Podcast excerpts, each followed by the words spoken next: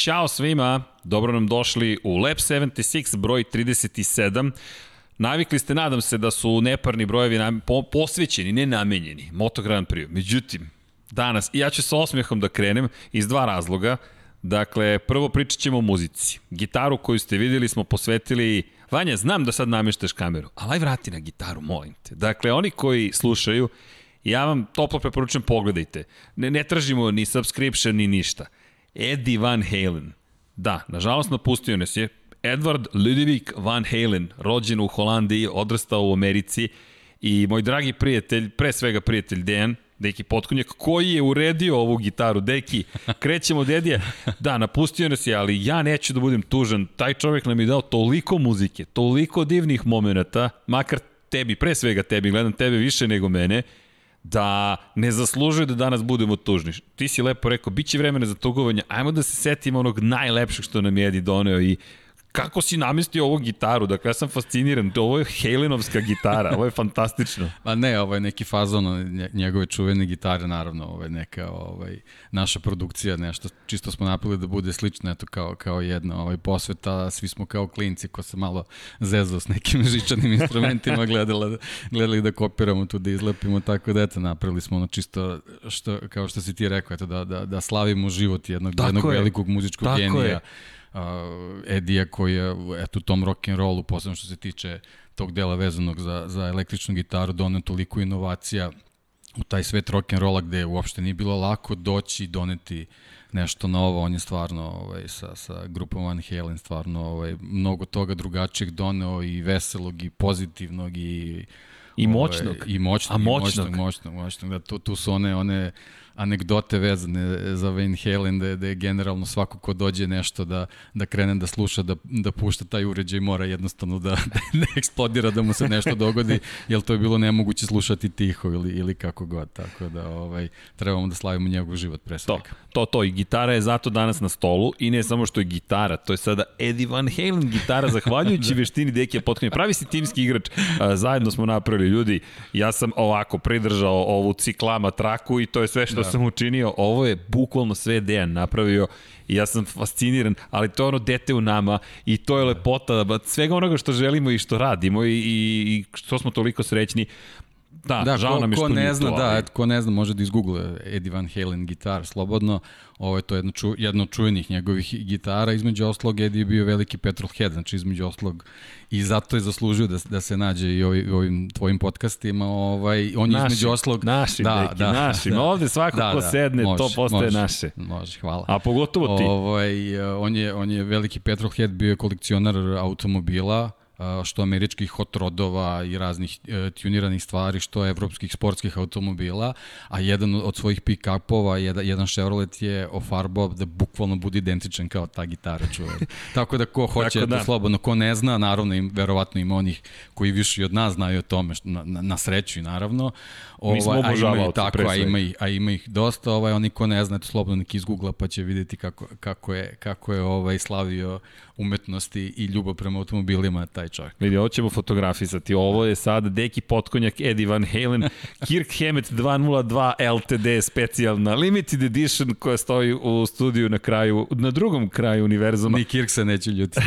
mislim da, da, da, ne, da, da. mislim da će mu biti zadovoljstvo što je... Pa siguran sam da mu Eddie bio jedan od uzora, tako da... Kome nije? Nema tu Kada pogledaš koji uticaj taj čovjek imao i pozdrav za, za mog prijatelja Miška Čeperkovića koji mi sinoć piše to, to je čovek koji ima preko 50 godina, kaže, bukvalno srđane plačem plačem. I mi ne želimo da plačemo. Ne, umesto rip mi ćemo reći to. jump. Jump, tako je. I danas cenim da se svugde na servisima vrti da. Eddie Van Halen i mi ćemo mu baciti u description, etovat ćemo, dakle, Van Halenov zvanični kanal, nisam ni proverio, nadam se da postoji, Verovatno, tako da ko poznaje muziku, malo da se podsjeti, ko ne poznaje, ljudi, u muzičke ukuse se ne mešamo, ovo je naš muzički ukus, tako da mi dajemo delić sebe, ako vas zanima, eto, kliknite u descriptionu na, na link ka Van Halenovom stranici i poslušajte, Jump je kultna, kultna stvar. I Miško, znaš šta je Miško rekao? Pošto je veliki obožavalac, inače NFL-a, obožava sport i kaže, srđane, neće se desiti da Van Halen bude na halftime show Superbola. Pričalo se, pričalo i to se neće desiti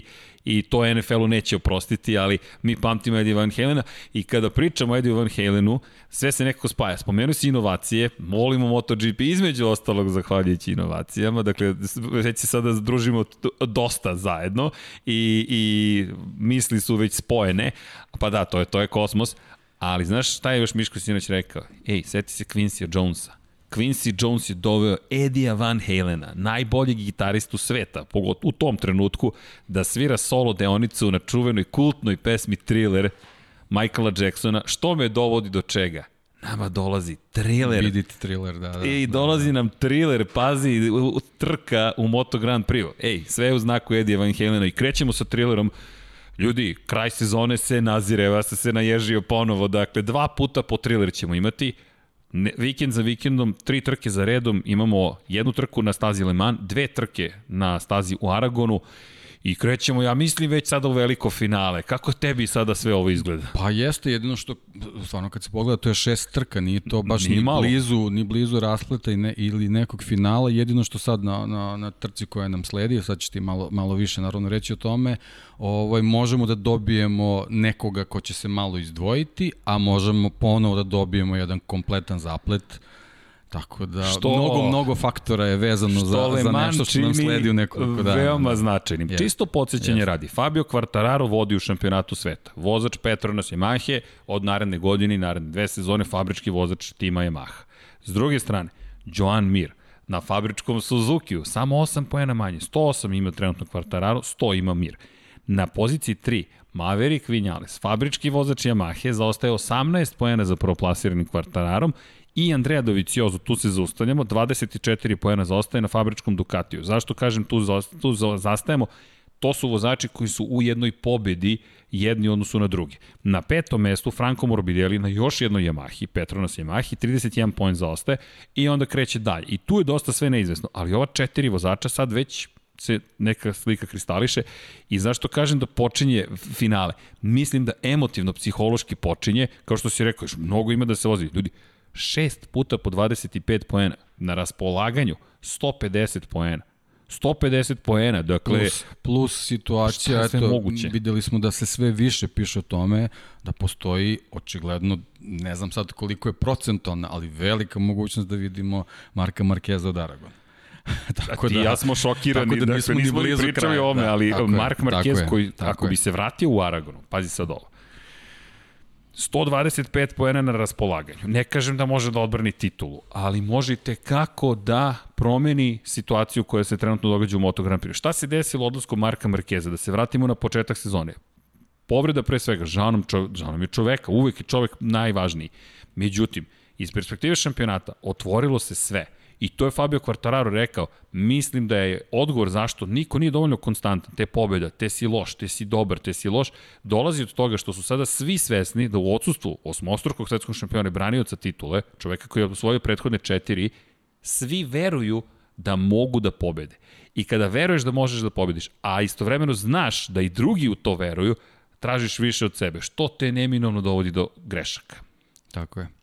Tako je, tako da ovaj, ta, e, imali smo nezgodan početak sezone, zašto jednostavno niko od nas, čak ni, ni među njima u, u kompletnoj organizaciji nisu bili sigurni kako će to sve da funkcioniše, onda se desi ta ovaj, nezgoda sa, sa, sa Markom Markezom i onda jednostavno čitava ta grupa vozača koja je već možda napravila neke određene planove, potpuno je došla u neku sasvim drugačiju situaciju, a rasplet sezone je doveo do toga da niko od njih ne može da bude potpuno siguran, niti da planira kako će to sve da funkcioniše. Tako da mislim da će biti jako zanimljivo. Mislim, naravno i do sad je, do sad je bilo veoma, veoma zanimljivo, ali dobro, možemo porak, korak po korak, korak da vidimo, po tako korak. je.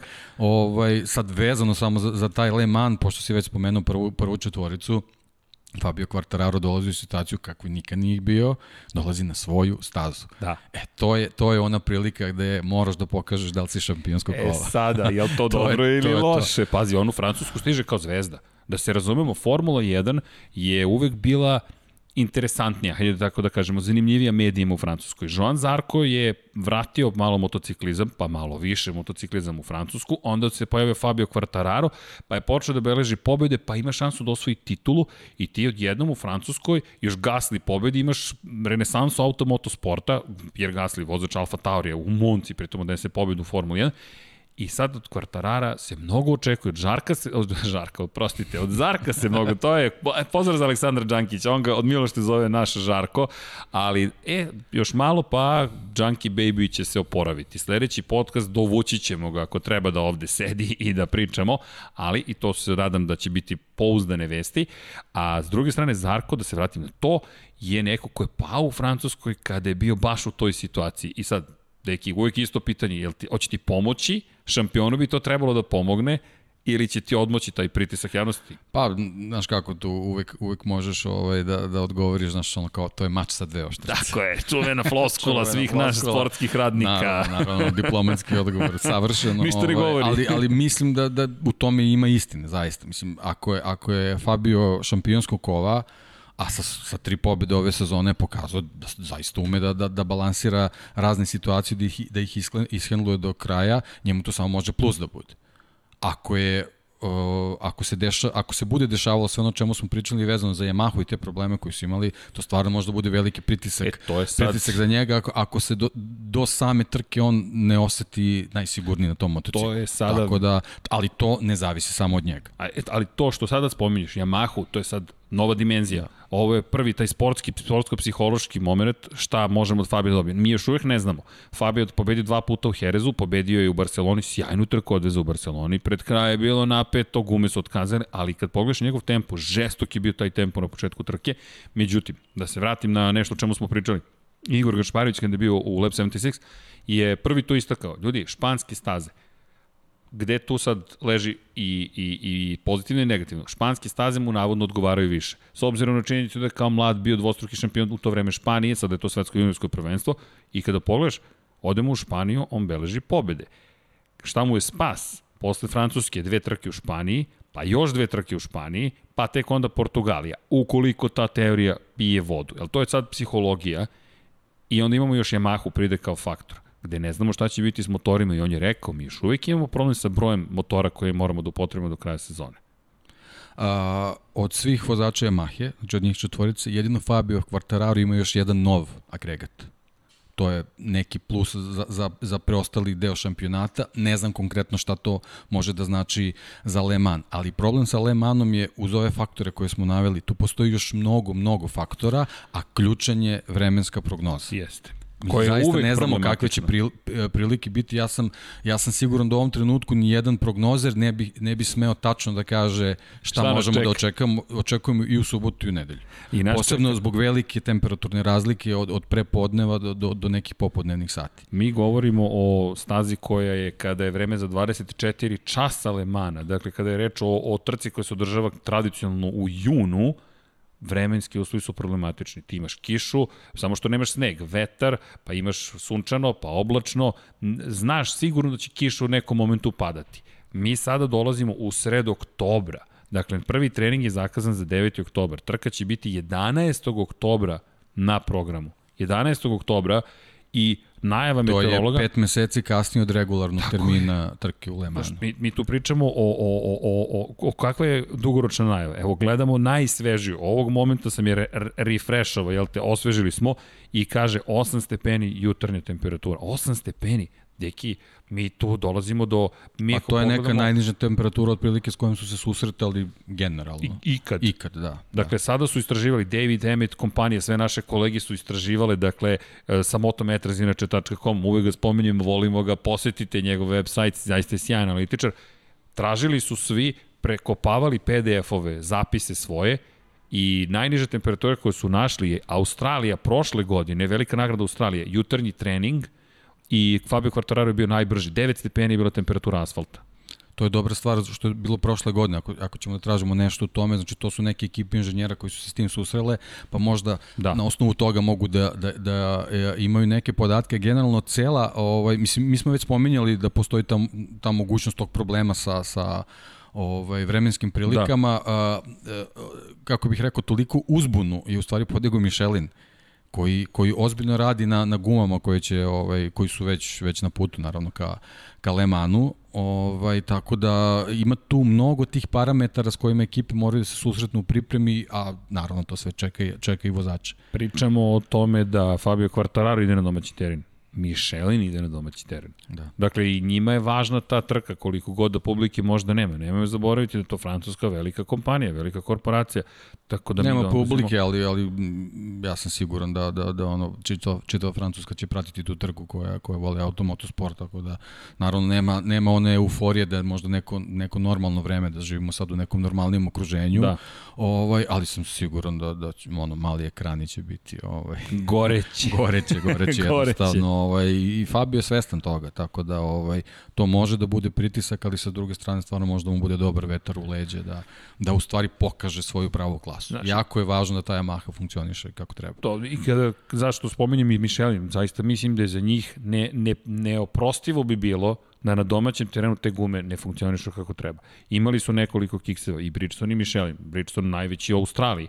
Nemojte zaboraviti, 2013. godine imali smo situaciju u kojoj su mogli da odluče šampiona kada je Mark Marquez diskvalifikovan iz trke zato što je u pogrešnom krugu promenio gume, jer je za naređenje Bridgestona bilo da na polovini trke morate da menjate gume. Imali ste opseg od tri kruga i promašili su, pogrešno su ga informisali, diskvalifikovan, Jorge Lorenzo pobedio, zmanjio razliku za 25 maksimalnih poena po trci i došli smo u veliko finalu u Valenciji. Dakle, proizvođač gume je mogao da odluči titulu šampiona sveta. Michelin je imao svoju katastrofu, u, nemojte zboriti u Argentini, gde smo imali ne, ne, opet sramotnu jednu situaciju, Michelin se od toga takođe oporavljao i sad dolazimo u situaciju, dolaziš na stazu gde će biti 8 stepeni Celzijusa. Ta, tako da, da, da se podsjetimo, pričali smo o tome i u podcastu juče pa je cold tear takozvani, kada je hladna guma, kada ne možete da je zagrete, ona, ona komadi otpadaju. Dakle, vama se guma raspada i ukoliko nije dobro pripremljena, vi pitanje da li možete da, da li možete završiti trku. Zato kažem Mišelinu takođe je mnogo važna trka. Ja, ja bih to uporedio, ne znam, ne znam koliko, koliko ovaj, naš slušalac imao prilike da vidi kako izgledaju te, te, te slik gume kad su hladne, posebno kad su malo potrošene. Ja, ja bih nekako uporedio sa gumicama za brisanje. Znači, bukvalno tako, tako može, tako, mogu da se, da se, da, dakle, ali, ali bukvalno tako može da se odlomi komad. Komad, i to da, su, da. jer uh, postoji razlika kada je takozvani um, hot tear, dakle, kada je zagrejana guma, vi vidite talase, vi vidite niti kako se skidaju, kako se slojevi ljušte. Ovde nema ljušćenja. Ovde jednostavno otpadaju komadi, imate rupe u gumama što je zaista velika i važna stvar. Pogotovo što kada pogledamo kako izgleda moderni Moto Grand Prix, čuvanje guma, za kraj trke će biti kritično, što me negdje dovodi do priče o šampionatu sveta. Ko je najbolji bio u završnicama trka da. u prethodnih nekoliko da, trka? Da, I kritična je situacija vezana za same treninge koji će se voziti u, na, na različitim temperaturama. Jest. Kakvi tu podaci mogu da se skupe, to je sad isto jako, jako veliko pitanje. Meni to sve nekako na Mira vodi. Zašto? I dalje verujem da će Mir biti najkonstantniji, da zapravo Joan Mir predstavlja favorita za osvajanje šampionske titule. Uzmite to s dozom rezerve. Dakle, ono što si rekao na početku početku je savršeno. Šest trka do kraja. Šta smo sve gledali? Samo zamisli ako krene da pada kiša u Lemanu. Ma da, mislim, jako je, jako je teško prognozirati zato što niko ne može sa sigurnošću da kaže kakva će e, vremenska prognoza biti. Kiša, mnogo hladno, odjednom neko sunce, Magla. tako je, mislim, sve, sve je moguće, ali bukvalno, sve, sve je sve. moguće, tako da priprema za trku će biti, biti jako, jako teška. Ne znam, ja, ja, ja ne pamtim ovakvu situaciju i u Formuli 1 idemo na Nürburgring u sredu oktobra, smeješ se. da, da. Svi smo svesni, da, da. To, to nije izazov, to je nemoguća misija ideš u planine Eiffela i kažeš velika nagrada Eiffela i kažeš, e, okej, okay, bit će super, be, ok, nama je super što se trkate, ali da, naravno, ne znam to da Obe trke će biti sjajne, ali ovaj, veliko je pitanje kako, kako ekipe mogu da, da ishendluju tu, tu situaciju. Ali vidjet ćemo. Jednostavno, pred nama je zanimljiv vikend, pa ovaj, kao i u ostalom svi ove godine. da, da, vidi. Mi, mi smo se da. sad već navikli. Ako ba, pričamo da, o novim tako normama... Je, tako je. Da, sad kao nešto da pričamo, kažemo, kao, e, susrećemo se s ne znam kakvom situacijom. Pa susrećemo se već pet meseci. Da, tako ali, da... ali ovo je novo. Ovo je novo, zato to me pričamo. Ali možda nismo korektno najavili. Ljudi, biće ludnica. ludnica Eto, to vam sigurno, garantujemo. Sigurno, da. Jer koliko god da pričamo o četiri vodeća vozača, Ko kaže da neko, Jack Miller, na primjer, neće reći, ok, kiša, to je pa, moj trenutak. Jack Miller je jedini u ovim izjavama ovih poslednjih nekoliko dana koji je rekao da su apsolutno ne plašim ovaj, nepredvidive vremenske prognoze. Susretao sam se sa kišom, kaže, a stazu u Le Manu je mogla i da me ubije, tako da... Tako da je sve okej. Okay. Da, da, kao- da, za one koji ne znaju, da. to Da. je čuveni incident. To, Jeste. te, ta, ta krivina broj 2 pa 3, krivina broj 2 će biti najveći izazov koji imaju. Inače, staza u Lemanu, pazite sad ovo, ovo je grozna statistika, je staza koja ima najveći prosečan broj padova svake godine. Mi u Lemanu obično odemo u maju, krajem maja, uvek imamo istu priču kada je reč o Lemanu. Mi dobijemo od Dorne i, I izveštaje. to je neko proleće ka, ka letu gde su istovremenski uslovi prilično nezgodni i nepredvidivi. I dođeš do čega? Imaš oktobar, imaš stazu koja je poznata po padovima, najneizvesniji šampionat koji si imao u poslednjem, pa ikad gotovo, imaš koliko pobednika? Fabio Quartararo je prvi pobedio, dve pobede zabeležio. Odo smo mi u Brno, pobedi Brad Binder. Odo smo u Austriju, pobedi Andrea Dovicioza. U drugoj trci u Austriji Miguel Oliveira. Odemo u Mizano, Franco Morbidelli zabeleži pobedu, dođe Maverick Vinales i mi imamo šest pobednika na početku ove godine. U osam trka imamo šest pobednika. Šest pobednika a, gde smo imali situaciju da su zbog nekih spletova okolnosti mogli smo da imamo Joana Mira kao pobednika. Sedmi. Primer. Da, ali dobro, to se I- potire sa, sa Olivirom. Imali Okej, smo Banjaju tako je. koji je pokazao, dobro, to ne možemo kažem, to je jednostavno bila situacija na stazi, ali je njegovo, njegovo ubedljivo vodstvo je pokazalo da je on apsolutni kandidat za, za pobedu. Sedam, sedam, sedam mogućih pobednika je bilo. Ali, ali da, da najava mora biti zapravo, mi smo nekako sad umereni. To je Moto Grand Prix 2020. Ne, ljudi, Moto Grand Prix 2020. ko zna šta donosi, pogotovo sa svim ovim, zato i spominjamo vremenske uslove, pri čemu dotakli smo se Jacka Millera.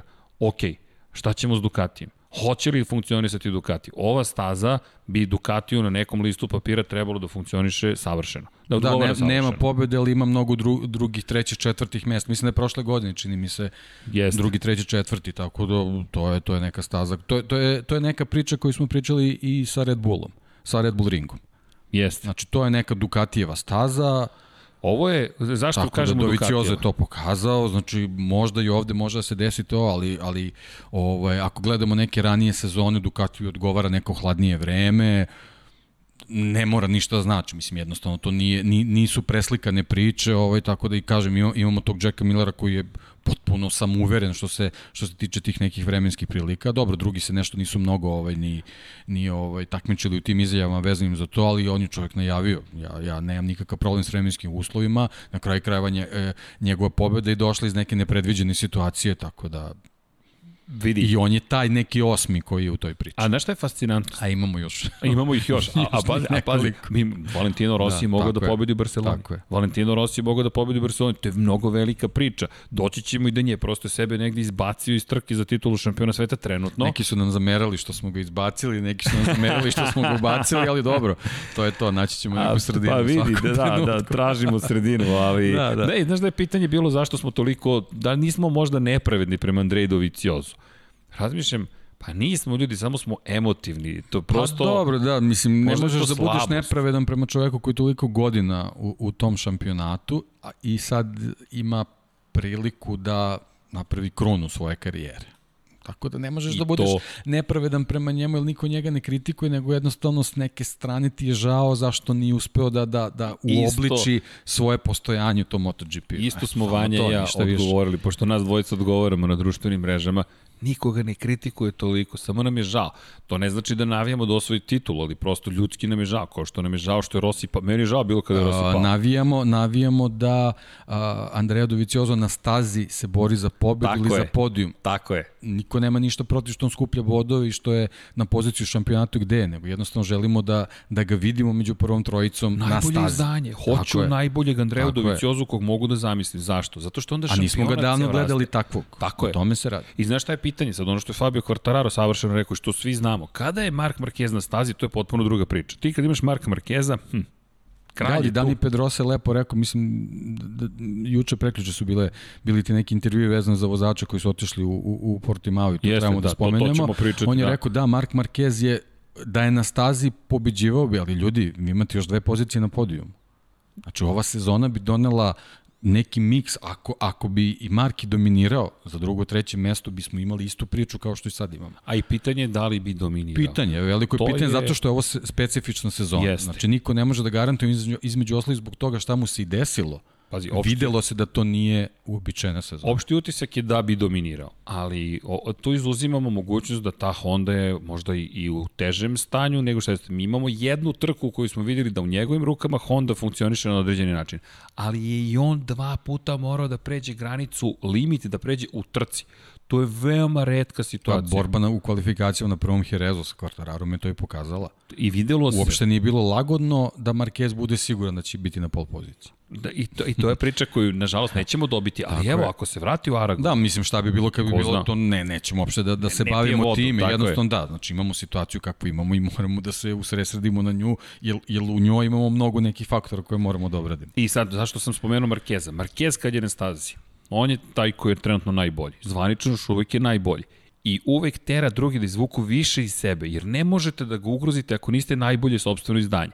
To je ono što meni smeta kod Andredo Vicioza. Sada, kada nema Markeza na stazi, sada ti ne izlačiš iz sebe svoj maksimum. Ja ne vidim da je ono njegov maksimum. I još pridemo Pa se dobro, da, sedmi pad. pad smo ga, mislim, jednostavno on je čovjek koji očigledno ne, ne prihvata rizike ni, ni na koji način, ni u kom Čak ni trenutku, čak ni sada, nažalost, mislim, prošli put Pa smo... sve si rekao prvi prošli put. put, još. smo se ovaj malo sam se iznervirao prošli put oko njega da da da ne ponavljamo isto Naravno, priču da naravno. ne budemo dosadni nego jednostavno znači Pazi, to je nemoguće. to on ima svoju filozofiju, on se nje drži kako god bude bilo, on će on će nje nju da primenjuje i to je jednostavno tako. Ti si najkulturniji čovjek koga ja poznajem. Inače, baš pozdrav od mog prijatelja Gorana rekao je, Pozdrav, molim te, pozdravi Dejana, recimo da je on toliko artikulisan i kulturan, da ja insistiram da ga pozdraviš na taj način. I ja sam obećao da ću to učiniti i ja stojim pri tome. Dakle, ni moje loše šale ne mogu da prođu kroz njegov bedem kulture. Ja, ja to obožavam, dakle, ali doći će neko još ovde ću levo da stavim nekog šeretliju, dakle, šalim se naravno, ali zaista, zaista mnogo lepih reči, ja ne stignem sve da ti Hvala ti. prenesem, ali koristim priliku sada ti bude neprijatno jer to činim javno. Šalim se naravno. Da. Ne, Da. Hvala, ti što si najavio da. to ti nisam najavio. Da, da. Ali da. da zapamtit ali, ne sumnjam, ali, ali vidi, moramo malo da se smejemo, Ma, pa vidi, ovo je problem, zabava. Nikakav problem. Ali da, da, slažem se s tom, pričali smo o Doviju, samo prosto da nadovezujem se i na tu priču i komentar. Šta je meni fascinantno da, da, da, da, da, da kada je reč o, o priči o Ducatiju. Stalno pričamo Le Mans bi trebalo da odgovara Ducatiju. Le Mans bi trebalo da odgovara Ducatiju. Zašto? Zato što je Ducati stabilan na kočenju, snažan je na ubrzanju, ali to je sad stara već priča. Šta je moj problem? E, ne znam da li znaš, ovo nije trih pitanje zaista, nismo se pripremali za ovo, ali da li znaš koliko pobjeda ima Ducati na stazi u Le Mansu? U istoriji Moto Grand Prix. S obzirom na koji način si postavio, Mislim da ti je odgovor jasan. da, Nema ni jednu. da, da. Nikad niko nije pobedio na Ducatiju. Svi koji pobeđuju su ili na Hondi ili na Yamahi. Poslednji čovek koji nije slavio za Yamahu ili Hondu na velikoj nagradi Francuske je Chris Vermeulen. Po kiši 2007. čuvena Da, Rizla Suzuki. prošli put da je Jeste. Bila, da. I da. znaš kad se pre toga desilo da neko pobedio? Kevin Schwantz 1990. godine. Ovo su Hondina, ovo je staza koja pripada Dobro, Hondi sve okej, i ali, ali ja bih volao uh, da, da ono, on, mislim, ponavljam se, nek Doviciozu, nek se bori za drugo, treće mesto, nije bitno, ne, nek bude, kažem, kao što su mogli prošle godine, budu drugi, treći, Može četvrti. Jack nek Miller, bude, Francesco bude, Banjaja, kogod. Samo, samo je bitno da se uključe u taj vrh, jer oni nekako, a, osim, osim Banjaje, ja nisam stekao utisak da, da neko ima kvaliteta da, da, da uđe u, u tu kompletnu priču. Sad kvalitet, znači ne pričam samo o vozačkim kvalitetima, Tim, nego o tom nekom motor, paketu sve. kad, kad, kad staneš na grid da, da, da, da, ti, da, da ti ostave utisak da će se boriti za vrh. Vidi, sad, sad isključujem priču o šampionatu. Joan Zarko takođe dolazi kući. Tako je. Nemoj to zaboraviti. I, to je, i on je na Zarko. Ducatiju. Tako je na Ducatiju. Znači, ako pričamo o Doviciozu i o, i o njegovim mogućnostima sa rivalima, on ima protiv sebe Banjaju, Millera, Žar, eh, Zar... Prvi put Vanja, time kod, pogrešio je. Dejan je pogrešio. Prošli put smo ga izdevili, danas je pogrešio. O, Da. Znači imamo, imamo Zarka tu i imamo Petrućija koju ne, ne možemo ne možemo da ga otpišemo, je, nešto će je. učiniti. U krajnjem slučaju Petrući je bio dovoljno brz znači, u Barceloni da e, bude ispred Zarka Dovi- kad je on pao. ima lošu matematiku da bude, može da bude peti među Dukatima. Ja- to jednostavno mora, mora na neki način da se promeni. Ja mislim da je Doviciozo da. završio svoju bitku. Da. da, da, da ne može više da se desi ono što si tako lepo rekao kada smo prvi put zajedno snimali da mu titula dođe. Mislim da je prošli put ta titula koja je eventualno išla ka njemu izbačena iz koloseka. Da je Zarko tu titulu izbacio, ne Dovicioza koliko tu titulu, jer naravno moguće, svašta može da se izdešava, da se otvore, da se poklope kockice, međutim problem leži u onome što i Doviciozo zna. Inače ponovio je istu priču, dakle kvalifikacije su mu najveći problem. Sada su mu kvalifikacije postale najveći problem. A kvalifikacije, inače, može se desiti da dođemo do stadijuma, da subota postane kritičan dan. Yamahe, Minjales šta je rekao posle prošle trke? Ne mogu da pretičem. Kvartararo je rekao, naš motor je zaista tako da ne možemo da pretičemo. Što znači, ako u subotu ne odradiš dobar posao, ti si u ozbiljnim problemima. Ducati, Barcelona je pokazala Quartararo je jedinu moguću taktiku imao da pobegne izađi na čelo i Potpuno nestane. je jasno bilo. Kao, kao što je Vinjales imao, imao Trku problem. Ne, ne, ne, kao što je imao, Imao problem u problem Barceloni, u- jednostavno okej. se zaglavio i pratio je Kračlova i jednostavno njega nije mogao A šta je uradio u Mizanu? Imao je Banjaju koji mu je dovoljno pobegao i vukao ih od karavana koji da. ih prati i na kraju ostao sam kada je Banja, Banjaja pogrešio. Znači, to je jednostavno, to, to mora da se radi na Yamahama. I vidi sad kvalifikacije koliko postaju važne. Suzuki s čim ima problem? Sa kvalifikacijama. Alex Rins je 13. bio na startu trke, završio je treći. Zamisli da si bolji u kvalifikacijama. Kako se polako još kompleksnijim čini Moto Grand Prix šampionat. Mi stalno pričamo o trkama. Da, ali to je, to je možda dokaz da taj Suzuki nije motocikl za jedan krug. Nije za jedan krug. E, ne, to, je, znači, to je neka, Gume- to neko, f- neko fino podešavanje, neki balans koji moraju, moraju da imaju između nekih svojih ambicija i, i mogućnosti. Naravno, ne govorim mogućnosti u nekom negativnom smislu, nego jednostavno taj motocikl je odlično izbalansiran da bi trajao neki 25-30 krugova u nekom Gume. dobrom tempu. Tako gume, je. njemu Tako gume je. stalno preživljavaju. Tako I gume tako na je. kraju stalno dobro rade. To se vidi u stvari po Rinsu koji Tako je, je. mnogo napredo ovaj, u Barceloni neočekivanim vremenima krugova. Tako I- da, Ali, ali pohvale za, za Mira. Mir koji je uspeo osmi da bude na startu trke u Barceloni. To je veliki napredak. Znaš, 13. pozicija i osma kritično. Još nema pobedu. to je ono što sam što pričao, jako je važno da budeš u prva tri reda. To je to. To je to kritično. Ispod devete pozicije. Sve posle, U, ti si već na nekim kočenjima gde moraš da, da balansiraš, ti ne možeš optimalno da kočiš, moraš ranije da kočiš, Ode. gubiš 2-3 sekunde, si već u prvom krugu. Lokomotiva je tako otišla, tako sa njom je- prvi vagoni i tu je kraj To je priče. jako nezgodno i neizbežno kad si na tom mestu. Što, kažem ti, mene dovodi do subote. Ljudi, pratite sport klubu, pogotovo u subotu. Znam da smo uvijek pričali, ok, kvalifikacije uzbudljive su, zabavno je, drama je, ali to nije kritično za trku. Danas, Uh, upravo to i, i da ne zaboravim, ili ću zaboraviti kasnije sigurno, pošto si spomenuo Le Mans i kompleks uh, prvih krivina.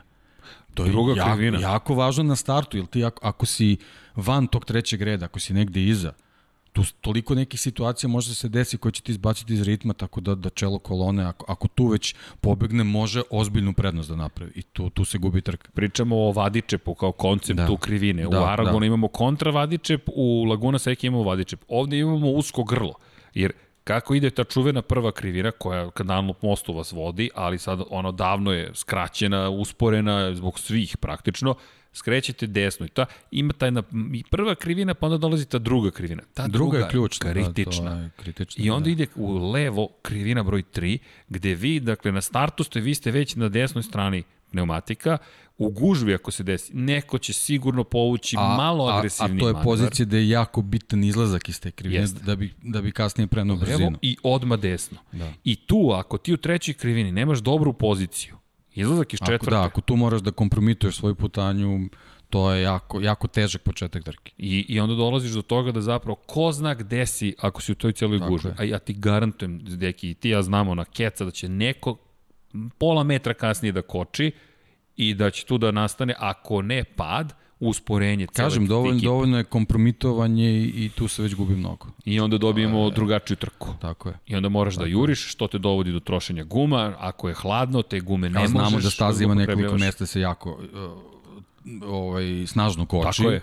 Znači, te gume stvarno će biti u, nekim situacijama veoma opterećene, a to uopšte nije dobro, niti ko, niko želi da to radi u prva dva, tri kruga. Brembo uvek kada nam dosta informacije, kada dođe vreme za Le Mans, tu se, e, dve staze bih istakao, Le Mans, ali još više Motegi, koji nećemo nažalost postaviti. U Motegi vi imate obavezu da koristite zapravo veće kočene prednje diskove. Motegi je baš stani kreni staza. Motegi i tamo je Ducati pobeđivao, zanimljivo da u Limanu nije pobeđivao, ali to je ta skraćena verzija, Bugatti verzija staze, koju i dalje volimo da posećemo. To je i dalje Le Mans, meni je to nekako i dalje istorija. Naviko sam možda, ne, ne znam. Bugatti konfiguracija ima neku svoju dražu, ja jednostavno ne gledam ne gledam i u poređenju sa, sa, sa velikim krugom, da ga, da ga tako nazovem. Ovo, jednostavno, Bugatti je staza za sebe, lokacija je posebna priča, ali Bugatti staza za sebe koji ima svoje draži i kao takve treba posmatrati. Posebno taj, taj, da nazovem drugi deo koji se ne koristi na, na velikom krugu, gde imamo dugačak pravac, imamo splet krivina koji, koji je takođe jako značajan u, u, čitavoj, u, u čitavom vremenu kruga. Tako da nije ni uopšte ovaj, da, za pocenjivanje u odnosu na, na veliki krug u Le ja, kažem ti, poštujem tu stazu. Ono što je meni zanimljivo, na primjer, jedna od trka Ducatija koju pamtim, dakle, Vanja, je li sve u redu? Onako. To su sve događanja iza kulisa, ali živi smo, danas nam je krenulo. No, činjenica je da imamo sledeću situaciju. Dakle, kada je reč o Ducatiju, jedna od trka koju ja pamtim je zapravo trka Valentino Rossi ima čudan odnos sa ovom snazom. Bilo je tu nekih padova, konkretno onaj protiv Mavericka, ja je bio veliki pad, ali jedan od njegovih najboljih trka na Ducatiju bilo protiv Casey Stonera kada je Stoner bio na Hondi i kada je Rossi došao do druge pozicije. To je nešto što, što je meni ostalo u sećanju kada je reč o Ducatiju. Nekako nikad nisu uspevali zbiljnije da ugroze vodeće. pa to da, nisu, nisu, da kažeš, bili često u borbi za pobede, ali ponavljam, mislim, oni su stalno nekako u vrhu bili na toj stazi. Zato bi bilo dobro da se to nekako ponovi ove godine, čisto da bismo dobili neki zaplet da, koji, koji očekujemo. Da. Zapeli da. smo za Ducati da, kao da, da, da, da pa dobro, prizivamo. Ajde, ovaj, znaš, da, ali, to, ali to je okej. Okay. Pokušavamo da Tako je. nekako vratimo u igru, ali činjenica je da su se izdvojili, što se mene tiče, Kvartararo i Mir su se izdvojili, mislim da i njih dvojica sada, da će timovi sada već početi da polako rade na tome, ne da ih nužno osveste, znaju oni da se bore za titulu šampiona sveta, ali da krenu ka tome da nema više kikseva kakvih je bilo. To je lakše reći nego učiniti, međutim imam utisak nekako da je prethodna, da su prethodne zapravo dve trke bile prelomne u tom kontekstu. Rossi koji ima dva pada, Jedan je bio i sam je rekao, i ta, ta scena, pričali smo o njoj, gde on juri pobedu, koštala ga na kraju, poštujem, ja makar poštujem stvarno taj pokušaj, dakle, i rekao sam iskreno, žao mi je bilo što je pao, prosto gledaš čoveka... Da, nikad nećemo saznati da li, bi, da li bi taj finish bio drugačiji što se tiče kvartarara. Da. Pa zamisli za šampiona da imaš još jednog pobednika, još Valentino Rossi posle tolikih godina da zabeleži triumf. Meni je to super da. priča, s tim, dakle, što, tim njegov, godinama njegov triumf automatski smanjio bodovni saldo kvartararov. Jeste. Tako da I dobili bismo bi... jako, jako interesantnu matematičku situaciju. Tako je, bilo vrlo, da. vrlo, vrlo zanimljiv šampionat. Inače, samo je bio još zanimljiviji. Da. Ali isto to važi, na primjer, ako gledamo rezultate. Takaki Nakagami, znaš šta izjavio Takaki Nakagami?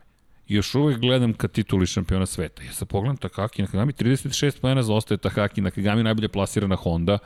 I razmišljam, da li zaista Takaki Nakagami to može da nekako preokrene, ne vidim iskreno, ali navijam da, da nam mm, da, pokaže da, to. Je, to je jako teško ovaj, ono, da, da, da, da, da se poveruje da, da će to zaista tako da bude pre svega zbog specifikacije njegovog motocikla, jer on je, ne možemo da kažemo u istoj situaciji zato što on jednostavno sedi na šampionskom motociklu, ali on je u, u, u neku ruku situaciju kojoj je uh, i Morbidelli Tako je. Koji ali... je ipak iskoristio trenutak i zabeležio pobedu i zbog toga možemo da kažemo, a zašto ne bi i Nakagami pobedio? Znači, to je jednostavno neka paralela koju možemo da povučemo pre svega što čovek sedi na šampionskom motociklu. Da, Morbidelli ima ovogodišnju verziju Mahe, da. Takaki Nakagami ima prošlogodišnju, razlika u tome što nema najnoviju verziju Morbidelli. Delove će poslednje da dobije ukoliko ih uopšte i dobije. Ali kažem, ako pravimo poređenje, ipak je Slažem se Nakagami motocikl šampionski, znači to otprilike negde potire to što je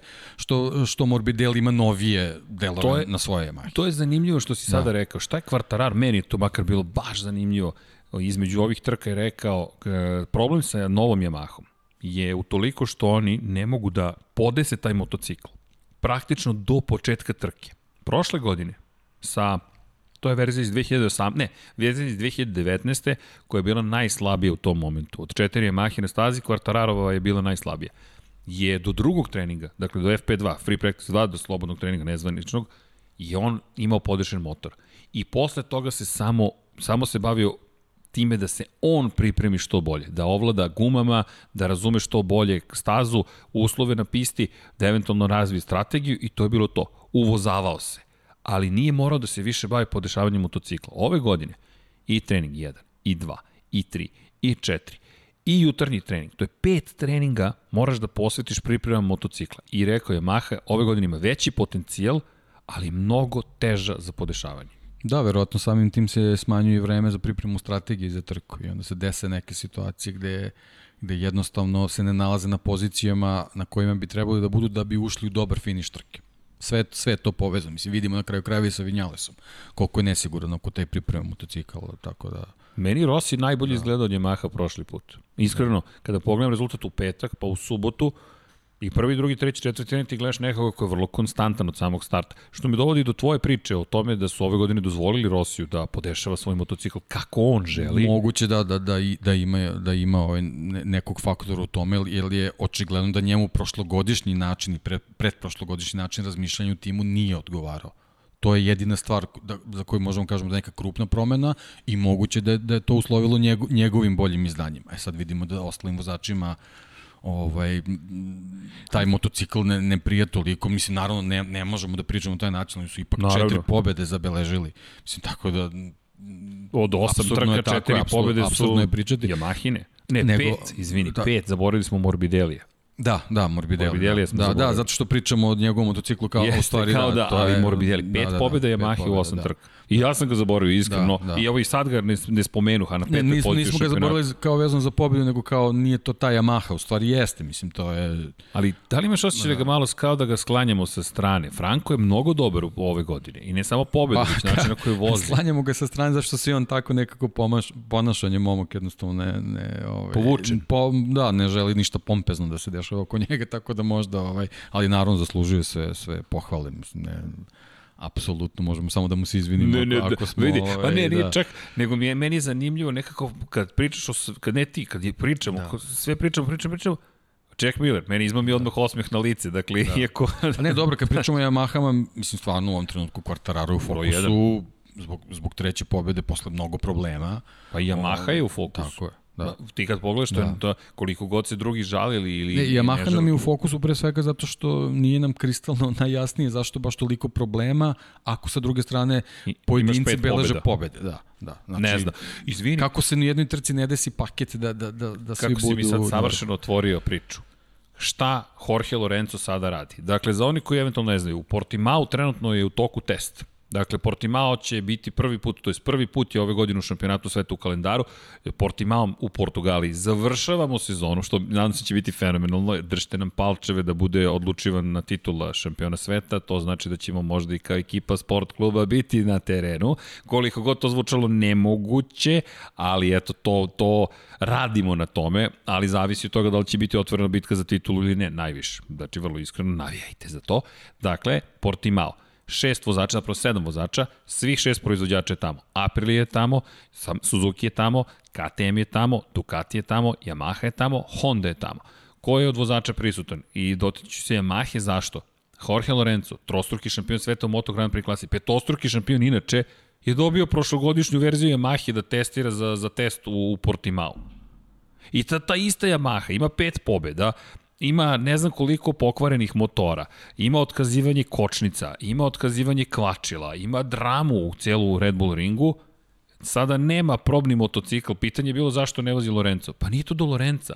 Lorenzo je rekao, jedva čekam da sednem na motor posle 9 meseci, biće mi potrebno vreme da se naviknem a dobije prošlogodišnju Yamahu. Meni to zvuči nevjerovatno. Da, što znači gomila informacija koje mogu da prenese Vinjalesu i Rosiju i, i, i, i, i Petronas ekipi, jednostavno se nije desilo zato što to jednostavno nije isti motocikl. Nije isti motocikl, nije ni blizu istog motocikla. Mi govorimo o suštinskoj promeni karaktera motora i sad šta će onda testira tamo? Šta, šta, šta da. može da testira Dexo? kočnice i menjač, to je ono. Gume. Pa da, gume, to ti to. da, ali, ali vremenski uslovi sada i za, I- kako beše za mesec za- dana, za- za- pa malo, da, više, malo više, malo više i od mesec dana, nije isto, znači i to nije, nije prava vrsta testa. Dakle, znači možda eventualno neke komponente, nadam se da to neke isto priče kao iz dana, da će biti nešto pa da, skriveno, ali- pa će Yamaha eksplodirati posle Ali- toga, ali- ovo, što se tiče rezultata, ali nije mi jasno da, da, da pri, pri tom što su znali da će se taj test odvijati. To je najavljeno da davno i Da. rekli su Yamahi nismo imali dovoljno vremena da pripremimo još jedan motocikl.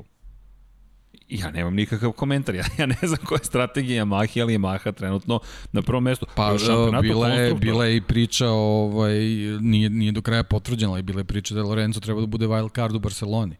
Znači oni ni, ni u Barceloni nisu imali priliku da, da, da pripreme još jedan motocikl. Tu im da, se pravilnik isprečio. Da, jer da. pravilnik je rekao ove godine Vanja Nebrini sklonio sam kafu iz kadra. Ubi se Vanja da promeni kadrove svaki put kad uhvatim kafu. Dakle, evo, upozoravam me da sakrim i e, logotip, dakle da se ne vidi e, kompanije koja nije platila za reklamu, ali činjenica je, ne moramo ni da prijavimo, nije, ni, niko nije ništa platio od toga. Dakle, ovo su sve naše stvari, mi se ovde silno zabavljamo. Dakle, e da, ne, pitali ste, stiže Patreon, stiže Paypal, evo, evo vam pitanje, pa odgovorite. Kako mi sada da rešimo? Mi ne želimo da zatvorimo sadržaj samo da bude za one koji eventualno nas podrže i doniraju pare, jer to je suprotno suštini onoga što hoćemo da radimo. Pričamo lepe priče da ih svima ispričamo. Tako ćemo smisliti. Trenutno nam ideja ko bude na Patreonu nas podržao, šest meseci ili duže, dobit će poklon od nas. A sad vidjet ćete šta je, šta je poklon. Na promeni Vanja kadar u ključnom momentu kada sam hteo da pokažem šta bi mogao da bude poklon, ali dobro.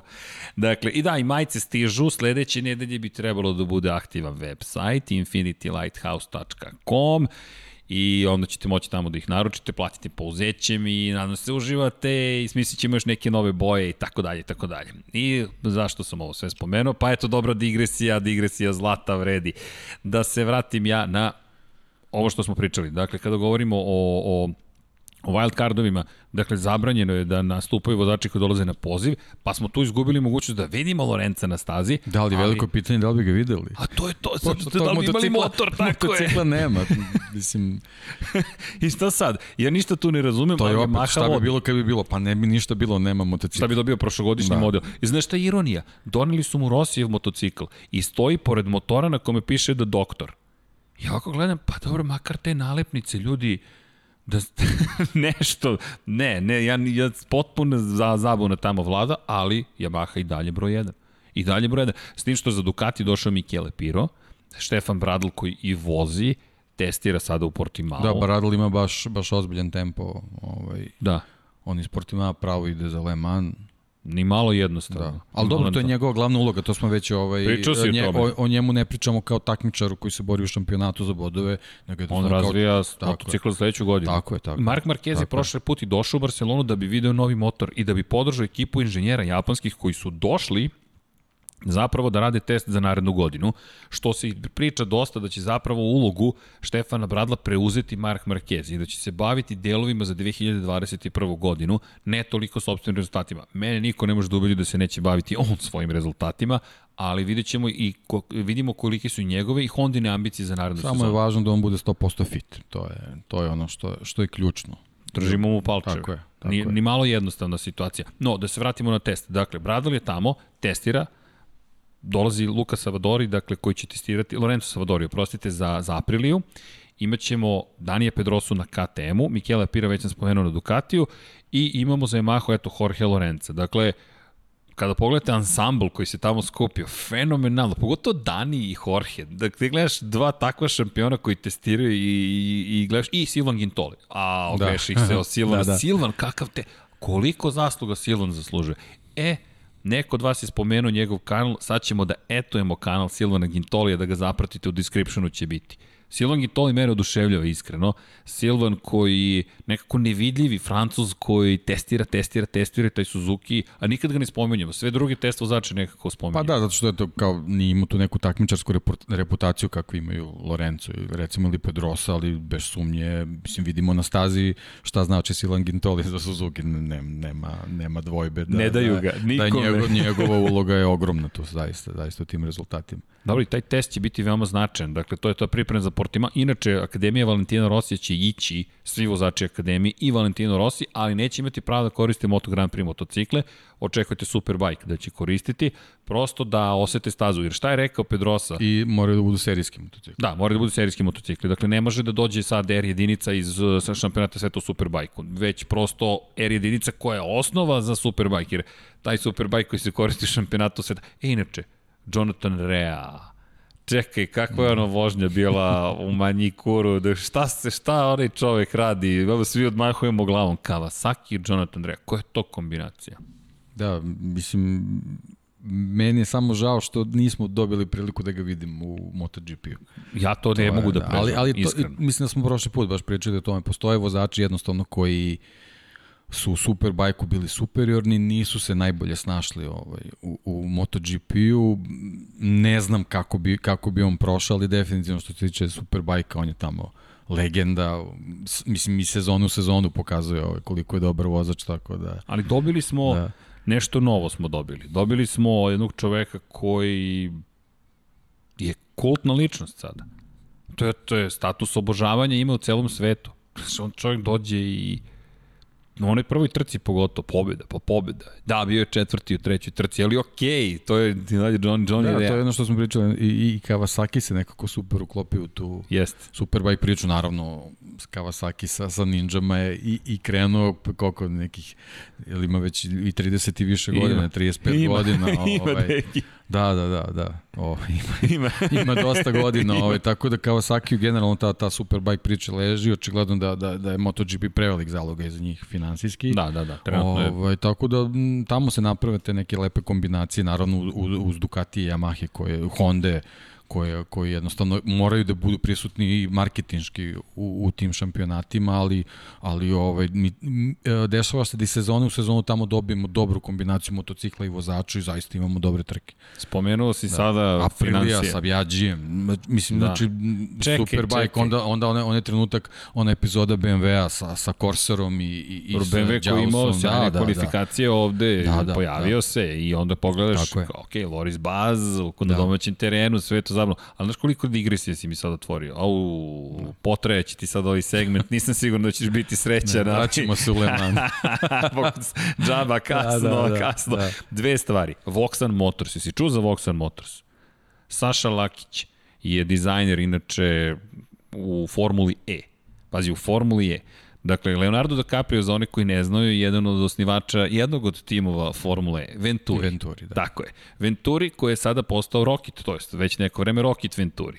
Ko predvodi Venturi ekipu? Da li znate, gospođa, gospođa Stodar da. nekadašnja, danas Wolf, jel te? Da. Dakle, veze s Mercedesom su jasne. I sad sticam okolnosti, gospodin Lakić, čekaj, naše gore list, da li nije, francuski dizajner, ali vuče koren odavde. Okej. Okay Znaš šta još dizajnera? Voxan motocikl kojim će Max Bjađi pokušati u Boliviji Da, u Boliviji. Znaš što mi je ostalo od, od Butch Cassidy i Sundance Kida? When I say let's go to Bolivia, let's go to Bolivia. E, deki. Lab 76 goes to Bolivia. To mi je sada plan. Max Bjađi će pokušati da obori rekord na, u Boliviji na električnom motociklu Voxan Motors sledeće godine. Tako da, Kada već spominješ Maksa Bjađija, da. to nam je cilj, da znaš, evo otkrivamo ovde, dakle, gledaju zbunjeno Dom Pablo i, i Vanja, da kako smo ovde završili? Spomenuo je čovjek Maksa Bjađija, mora da zna šta spremamo sa Maksom Bjađijem. To jest ne mi, mi ćemo da se pokušamo da se ubacimo u celu tu priču i Rocket je inače sponsor svega toga. A Rocket nam je otvorio vrata muzeja Williamsa. Vidiš kako se tu sklope Pa da, to je, to je vjerojatno link i, i sa, sa, sa Stodartovom, zato što je ona ovaj, u čitoj priči sa, sa Williamsom i bila, tako da ovaj, sve to Jeste. povezano. Williams ima veliku ulogu u razvoju komponenti za Formulu E, tako da Jeste. to je nekako je logično, industrija. Da, nekako je logično da, da se napravi ta celina. I imam još jednu digresiju, kada si već spomenuo pre toga, šta si promenuo pre Maksa Bjađe? Dom Pablo, nemojte da se smijete, dakle, nemoguća misija, ali sad sam zaboravio digresiju, vratit će mi se, nema veze. Dakle, idemo nazad, na, ovde se raduju neki što sam zaboravio digresiju, digresiju, ali sad ću da izgovorim apropo, tako da je vreme za hidrataciju. No, dakle, kada govorimo o, o Portimao, i, i, i Silvanu Gintoliju. Odatle smo krenuli, pa smo došli do Johnny Re, pa smo došli do Akademije, da smo došli do... E da, Kawasaki, se vidiš, setio sam se. Malo se pre si izgovorio. novac. I onda si rekao, Honda mora da bude u šampionatu. Želim tvoje mišljenje. Honda je izašla iz šampionata sveta Formule 1 i tu je sad ostala ogromna rupa. Dakle, vakum se stvorio. Dakle, ako usisani smo u, u Hondin potez I, i, I meni je to i dalje, razumem i logiku koju su stavili do 2030. 70% električnih vozila, do 2050. da budu karbon neutral, kompanija koja ne zagađuje, ali opet je to potez koji, koji menja lice Formule 1. Kakav je tvoj pogled na to? Pa, prvo, nažalost, nije prvi put da Honda tako nešto uradi. Znači, prethodni izleti su se nekako brzo i naglo završavali uh, neki su bili uspešni, neki, neki nisu nisu toliko, ovaj, ali e, generalno mislim da, da je uzdrman šampionat sa tom njihovom odlukom, kako će ovaj, da se, da se ta situacija reši. Nisam, ne zna. nisam siguran ako ostanemo na ova tri proizvođača koje imamo trenutno to je, to je suviše malo za, za, za opstanak Formule, za opstanak 1. Formule 1 koja treba da bude perjanica na, na razne načine.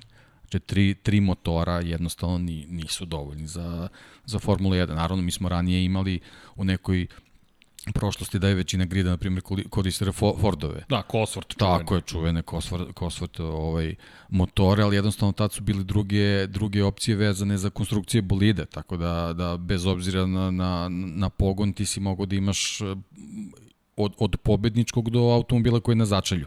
A ovo je sad neka, neka sasvim drugačija te, uh, situacija sa ovim visokim tehnologijama i tri, tri proizvođača motora jednostavno mislim, mislim da nisu dovoljna da, da bi se, da bi se uh, uh, zanimljivost Formula 1 promenila, a već sad upadamo u, u neke kolotečine i sa, i sa ovim situacijama. Znaš, što me, zašto te to pitam? Prvo, tvoje mišljenje, važno mi, cenim ga, imaš ti još neke ideje, ja se nadam da ćeš ih jednog da. dana otkriti, da, da. danas, sutra, prek sutra, da. kad god, ali pričat ćemo, ja se nadam o tome, no kada je reč o Moto Grand Prix-u, znaš, gledam Moto Grand Prix i sad posmatram Formulu 1, Mi smo u zlatnom dobu Moto Grand Prix-a.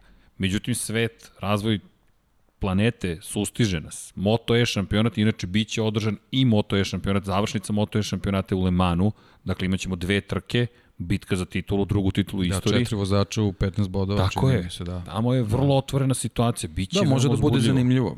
Na, ono, kao što smo zvali prošlo, put, pogledajte, ipak četiri vozača se bore za titulu kako god to izgledalo, možda neke zanimljive informacije možda mogu da bude, možda neko može da, da, da, da se zainteresuje za taj šampionat, zašto da ne. A otvara... opet je reč, reč o takmičenju. Sad. Jeste, trke su. Da, da li su tu sad neke performanse koje nekog zadovoljavaju ili ne, nije bitno, važno je eto, da, da, da postoji takmičenje. Idemo korak po tako korak. Je, tako no, je. To mi je sad spoj, znaš, Mo, Moto E, motori su unutrašnje sagorevanjem. Motori su, mi nemamo hibridnu tehnologiju u motociklima.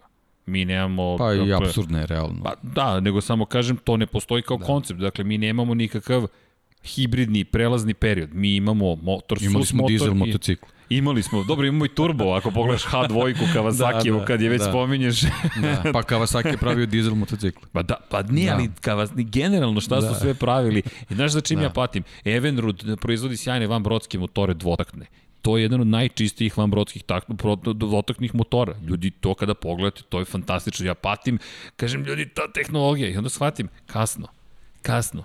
SUS motor Da. Nažalost, nema, nažalost, ili na sreću, nemam pojma, kako god da gledate, sebično da želim taj zvuk, ali eventualno hidrogen, to smo spominjali, i ne to gorive ćelije, nego hidrogen kao gorivo. Ali gledam Formulu 1 i onda posmatram Moto Grand Prix, koji uživa neverovatnu jednu sezonu, koji uživa neverovatan period, i kažeš Honda mora da bude prisutna. E sad moje pitanje je do kad će morati da budu prisutni. Znaš, kada će se desiti taj prelom, nažalost, i na dva točka. Nažalost, samo iz perspektive sebičnih emotivnih momenta. Dakle, ne zato što, će, zato što je to bitno za planetu. Ne, ovo je samo moj jedan lični pogled.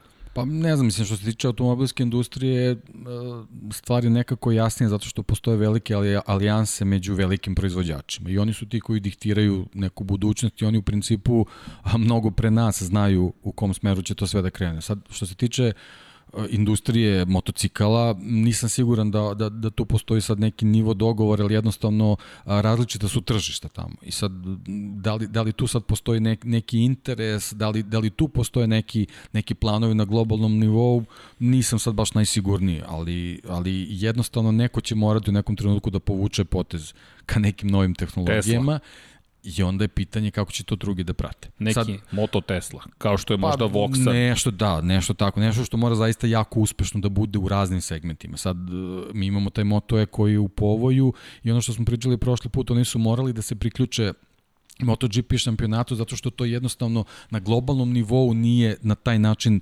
sagledano. Dok sa druge strane imamo Formulu E koja je potpuno nezavisna od šampionata Formula 1 upravo iz tog razloga zato što se na automobilskom tržištu mi već imamo električne automobile koji potpuno nezavisno funkcionišu, od, od, mislim zajedničko je ono imaju volan i četiri točke, znači to je neka potpuno drugačija priča. Ali onda možda samo mo mogu da se vratim na Formulu 1 vezano za neki kratkoročni period, pošto je bazirana na hibridnoj tehnologiji možda postoji mogućnost pretpostavljam si na, na to aludirao kad si htio da me pitaš, možda postoji mogućnost da u Toyoti trenutno razmišljaju da se priključe Formuli 1 iz prostog razloga što napuštaju Le Mans. Mislim, napuštaju Le Mans u smislu da su ispunili svoj cilj. Da Osvojili su, pobedili godine. su, posle toliko pokušaja, pobedili su na, na, na Le Mans, od sledeće godine imamo tu neku hiper klasu hiperautomobila, gde se pojavljuju možda neki drugi veliki proizvođači koji imaju neke drugačije ambicije, tako da možda Toyota može sa svojom tehnologijom i pre svega sa svojim velikim budžetima da se ponovo zainteresuje za Formulu 1, zato što pre svega a, a, ona, ona ima kompletnu infrastrukturu da vrlo brzo može da se uključuje u šampionat. Naravno, znamo da prošli pokušaj nije baš tako slavno prošao tu mnogo, mnogo je novca tu, tu bačeno bez ikakih posebnih rezultata, tako da sad je pitanje kako oni razmišljaju, ali to je opet jedna stvar koju smo spominjali, to je japanska filozofija. Znači, ako su oni odlučili da trebaju da se priključe šampionatu, a na čelu imaju čoveka koji obožava autosport, zašto da ne? Vidi, možda možemo da dobijemo. meni osmeh Možda lice. možemo da dobijemo to. Aj, ja, ja bih, a, ako ništa drugo, ako ne, ne budu kao konstruktori, bar možda kao snabdevači, pošto tehnologija postoji. Bar, bar da budu snabdevači motorima. Bilo bi, bilo bi savršeno. Ali to je, to je Ili... verovatno pitanje i za njih, ali i za management Formule 1. A, Tako za, da... A zamisli ovo savršenstvo. Toyota kao tim i proizvođač pogonskih jedinica, ali dve stvari si postigao, izmamio si makar meni ovo smehnulice, da. neki su ovde to malo su, skeptični. To su neka razmišljenja. Ali lepo čisto... su razmišljenja. E, pa će se obradati, obožavalac Toyota Tehnologija, veliki. ono, o, mislim, pojenta priče, tehnologija Jasno. postoji. Le Mans više im nije toliki cilj kak, kakav su ovaj, ranije imali, I, a Formula 1 je možda neki nedosanjani san koji... Toyota. Toyota. Da. Tako je. I Tako sad me da, vraćaš gde? U Kelmu Odlaze... je paučina koja treba da se počisti, pa to, da, se, pa, da se to spremi. Odlični su, sistem. izvinjam se, jako bitan detalj, odlični su u VRC-u, sjajno funkcionišu tamo, Tomija Makinena su postavili za savjetnika za motorsport, Više A Tomi Makinen je četvorostruki da, šampion više, sveta znači, u reliju. Više nije samo direktor VRC odeljenja, nego, nego savjetnik za kompletan motorsport program. O, Vidi, ovaj, si samo rastu. a inače se u VRC-u ozbiljno ra razmišlja u uvođenju hibridne tehnologije u VRC automobil.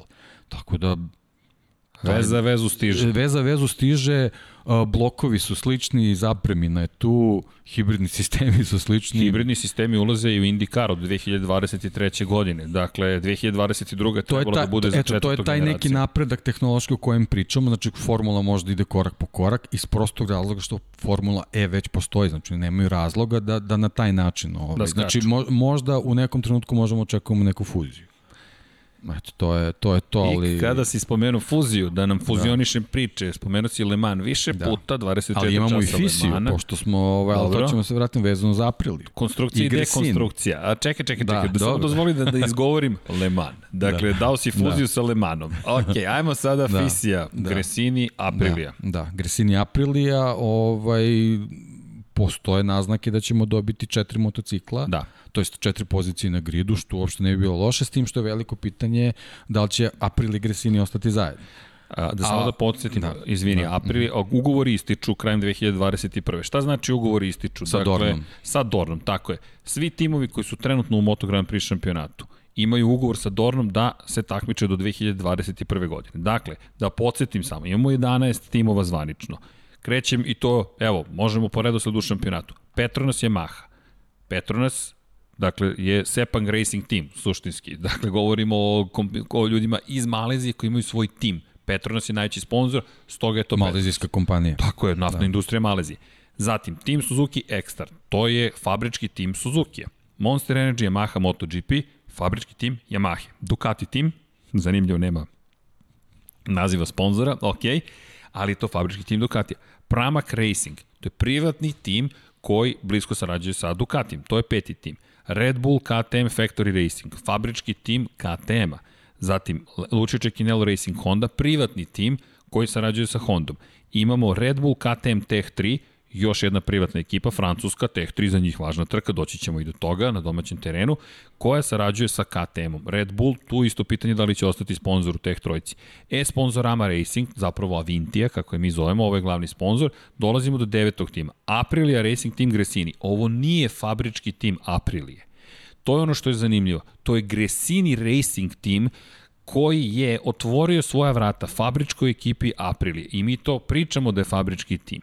Međutim, Aprilija da bi bila u šampionatu je morala da potpiše ugovor sa jednim od 11 timova koji su u šampionatu. Ostaje mi još jedan.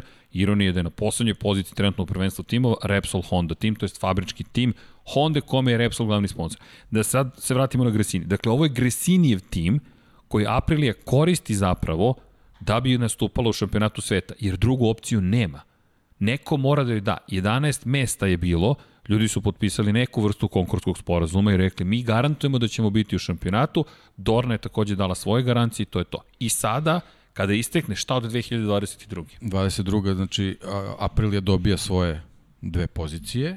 Svoje mesto? Tako je, Agresini Otvoren za pregovore. Otvoren, otvoren uh, za pregovore, uh, neko je šuškanje da bi Suzuki mogao da dobije svoj satelitski tim da. u Gresiniju.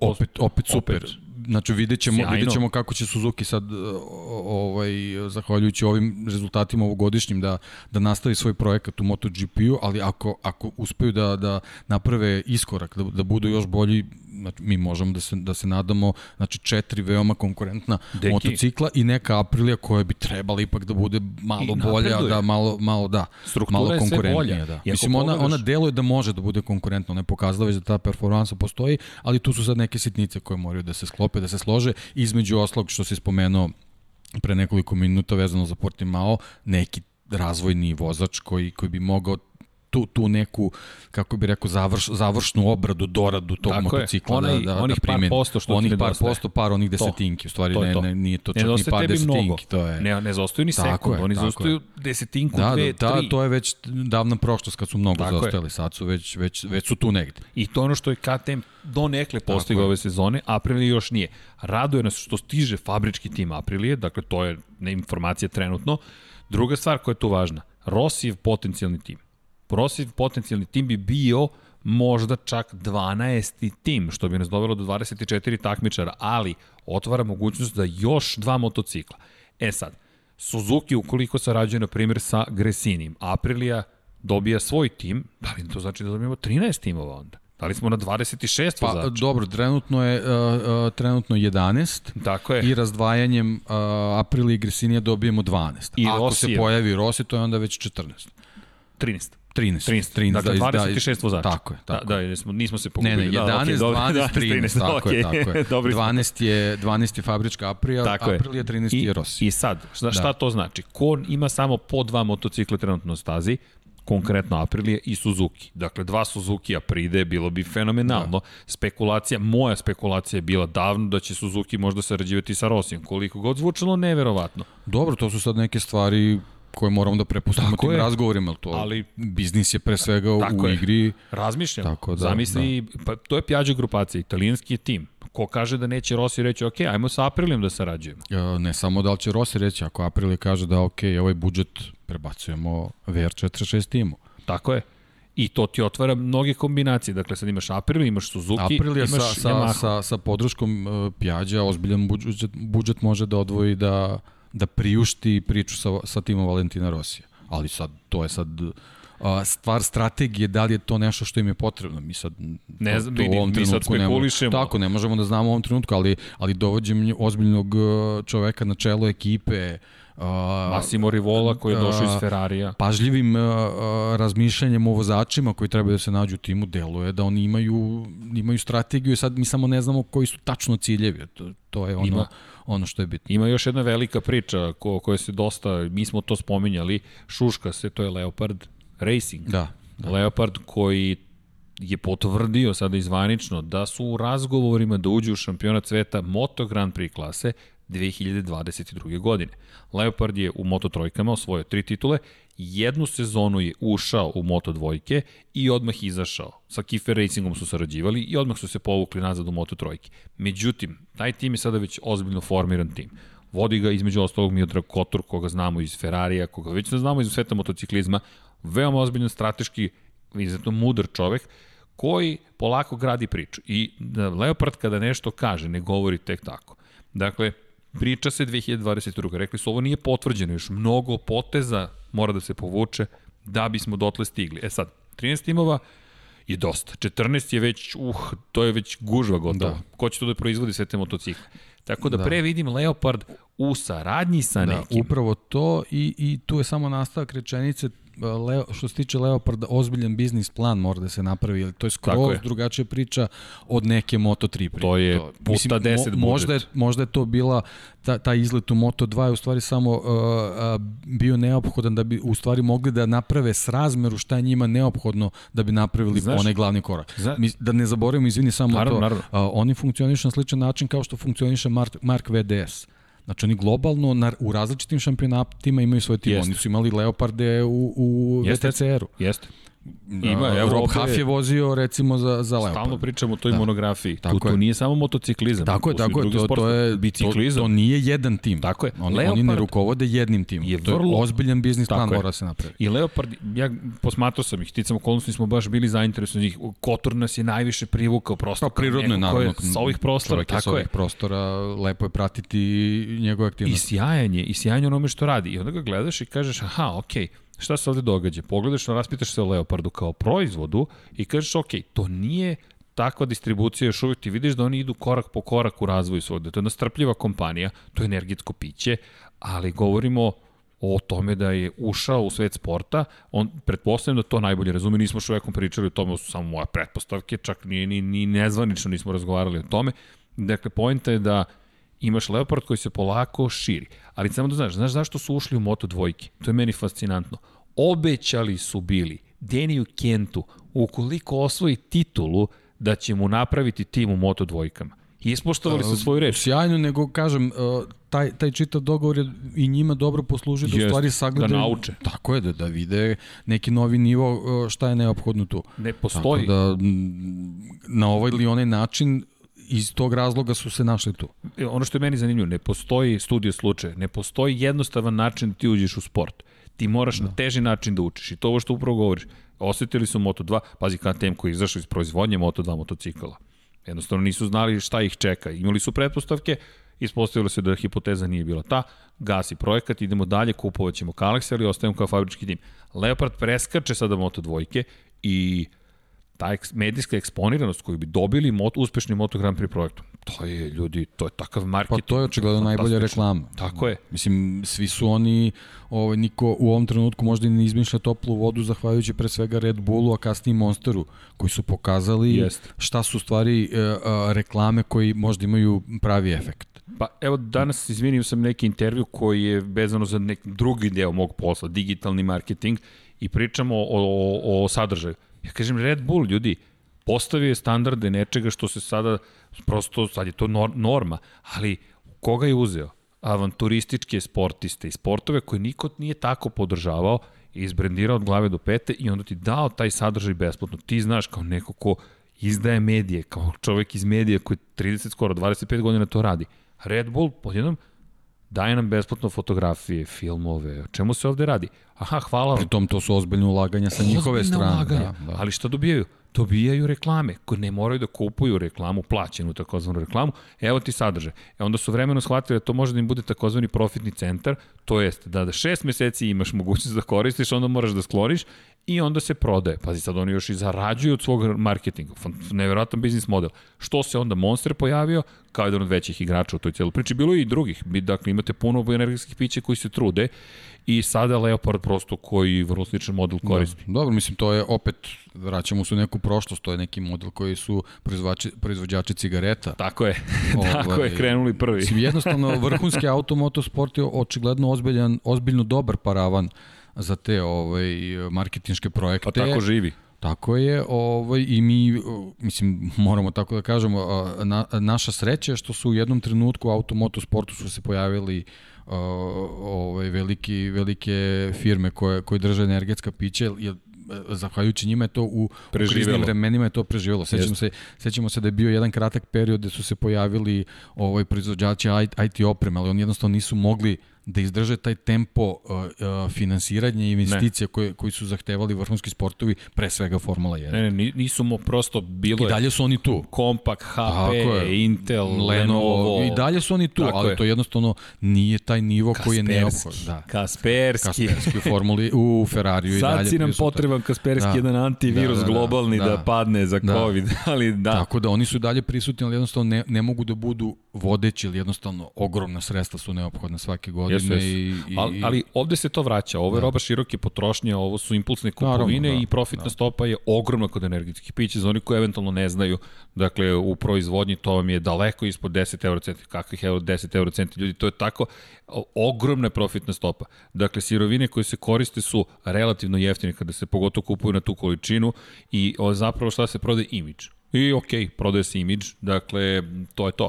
Ali negde mi posmatramo te industrije i raduje se iz jedne perspektive što postoji, mada i tu Evropska unija komisija se javila u jednom momentu da videći da li će regulisati promociju energetskih pića s obzirom na količinu šećera koje neko od njih posjeduje, zato se i pojavljuju sada bez šećera. Ali to je sad već druga tema. A dobro, to su, to su neke stvari koje su dešavale na kraju kraja sa ciga, Tako cigaretama. Je. Zabrana prosto oglašavanja. Znači, u trenutku i to, to je ozbiljno pogodilo automotosport. Mi to gledamo u nekoj budućnosti će, možda će, da, možda će se to desiti sa energetskim Jest. ovaj, pićima, ali, ali neko će možda tu formulu da primeni, pa će se pojaviti da, da sad ne ulazimo u to ne, neke ne, vidi, ali, mračne ali, priče. Ne, ne, ne, samo da. prosto Što se nas tiče, to je mračna priča, ako, I, ako ma, automotosport ostane, ta, ostane bez već sponzora koje, da, studiju. koje milijarde, milijarde upumpavaju taj sport, naravno, da, da se može onda osetiti neka veća kriza, ali nadam se da, da se to neće Zato skorom periodu. Zato nam je Leopard važan. Znaš zašto da. je Leopard važan? Znaš, da li se sećaš što smo spominjali za koga, evo ja ću ponovo to da istaknem, za koga je vozio, za koga su vozili zapravo, to je ko je vozio za Leopard Racing pre samo, pre samo četiri godine. I pre tri. Zajedno čet, pre četiri Fabio Quartararo i Joan Mir. Pazi, četiri godine kasnije njih dvojica vode u šampionatu sveta u Moto Grand Prix. Na dva različita motocikla. Spominjem namerno Leopard Racing. Kako vide talent. Lorenzo Dalla Porta svoju titulu, Miro svoju titulu, Danny Kento svoju titulu i kako gaje talent. I sad ti njihovi vozači, evo ih vode u šampionatu sveta u Moto Grand Prix.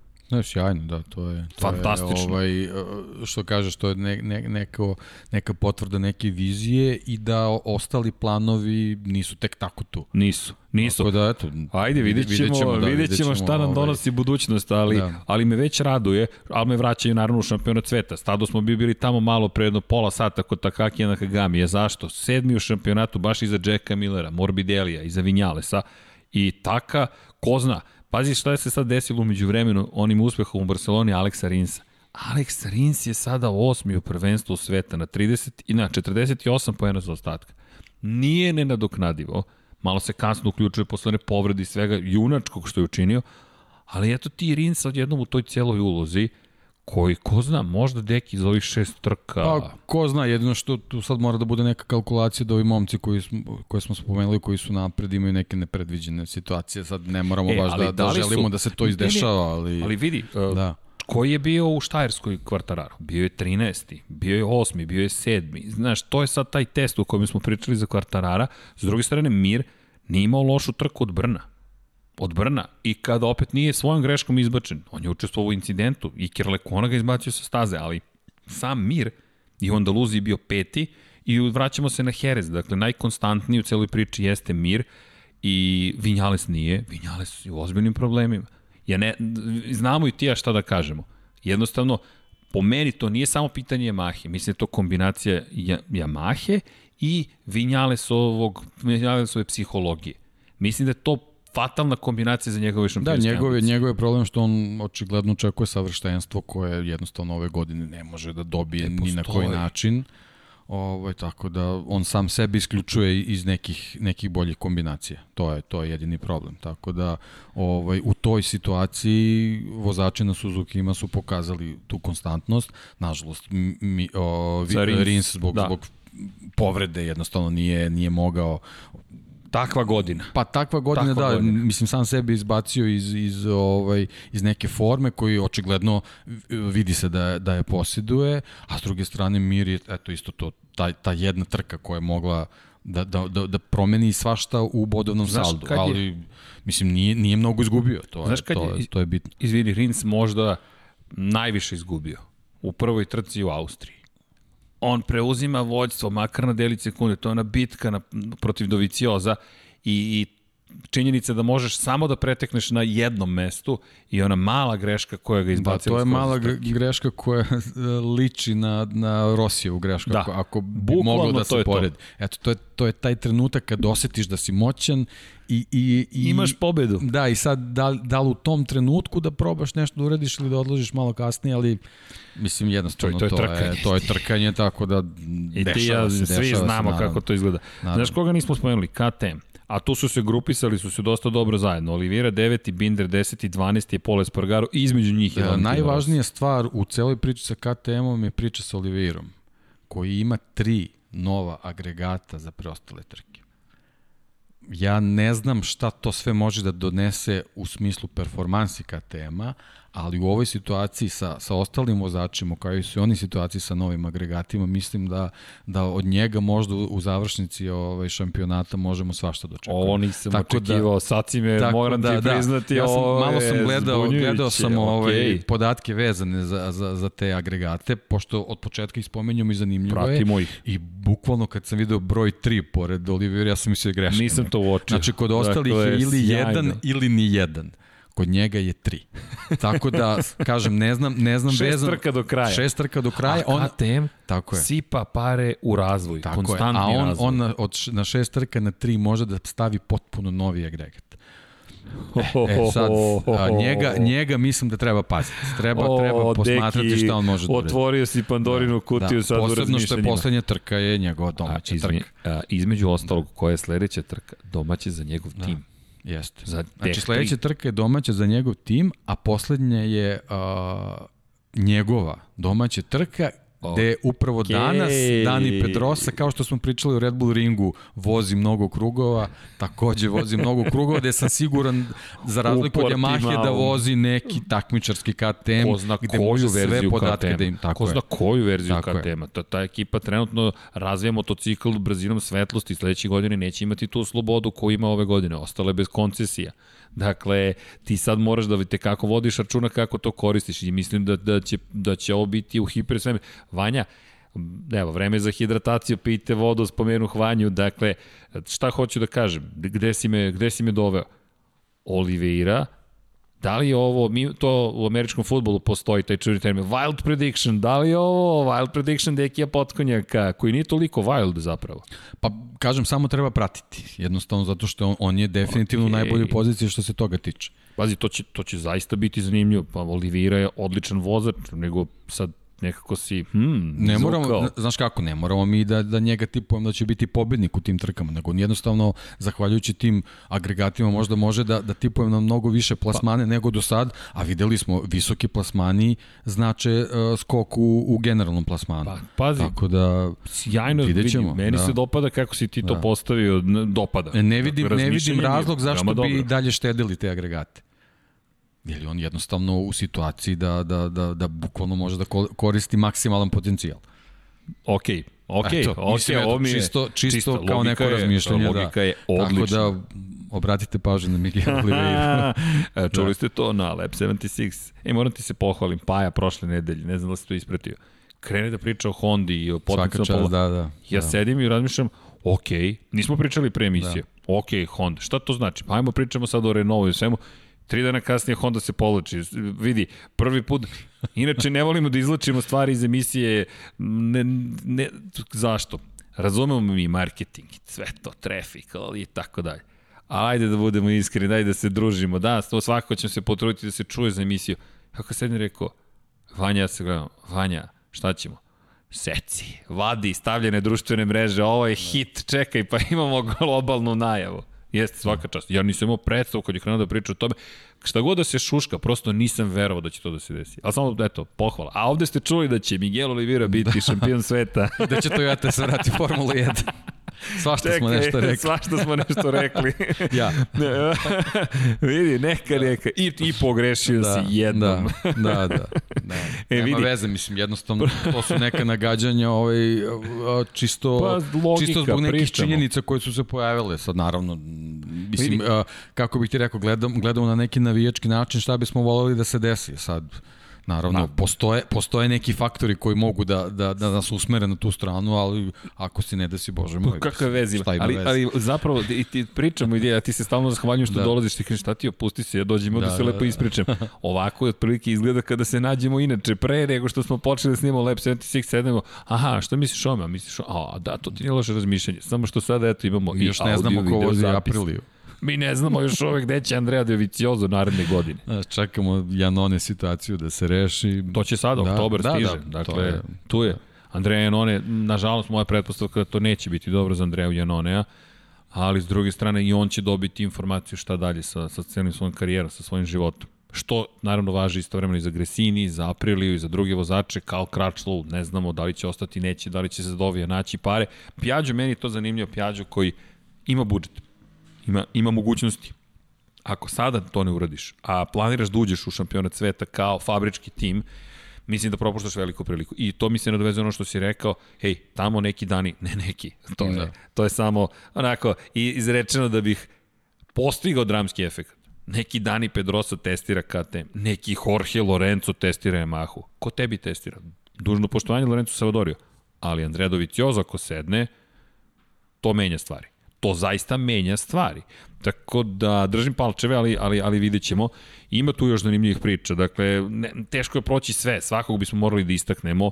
Međutim, ono što, što zaista mislim da, da, da jeste u ovoj celoj priči neophodno, samo bih se osvrnuo još jednom na Žana Zarka. Zašto? Zato što Zarko mislim da će biti van, vanredno dobro pripremljen. Da li će to rezultirati i uspehom, to je drugo. Zarko, videli smo u Francuskoj da zna da popusti ali bih vodio računa, mislim da će Zarko biti ekstremno motivisan i mislim da njega Kvartararo ekstremno takođe. motivisan i motiviš. mislim da tu imamo taj, taj jako važan psihološki moment rešene situacije sa mestim. Tako je.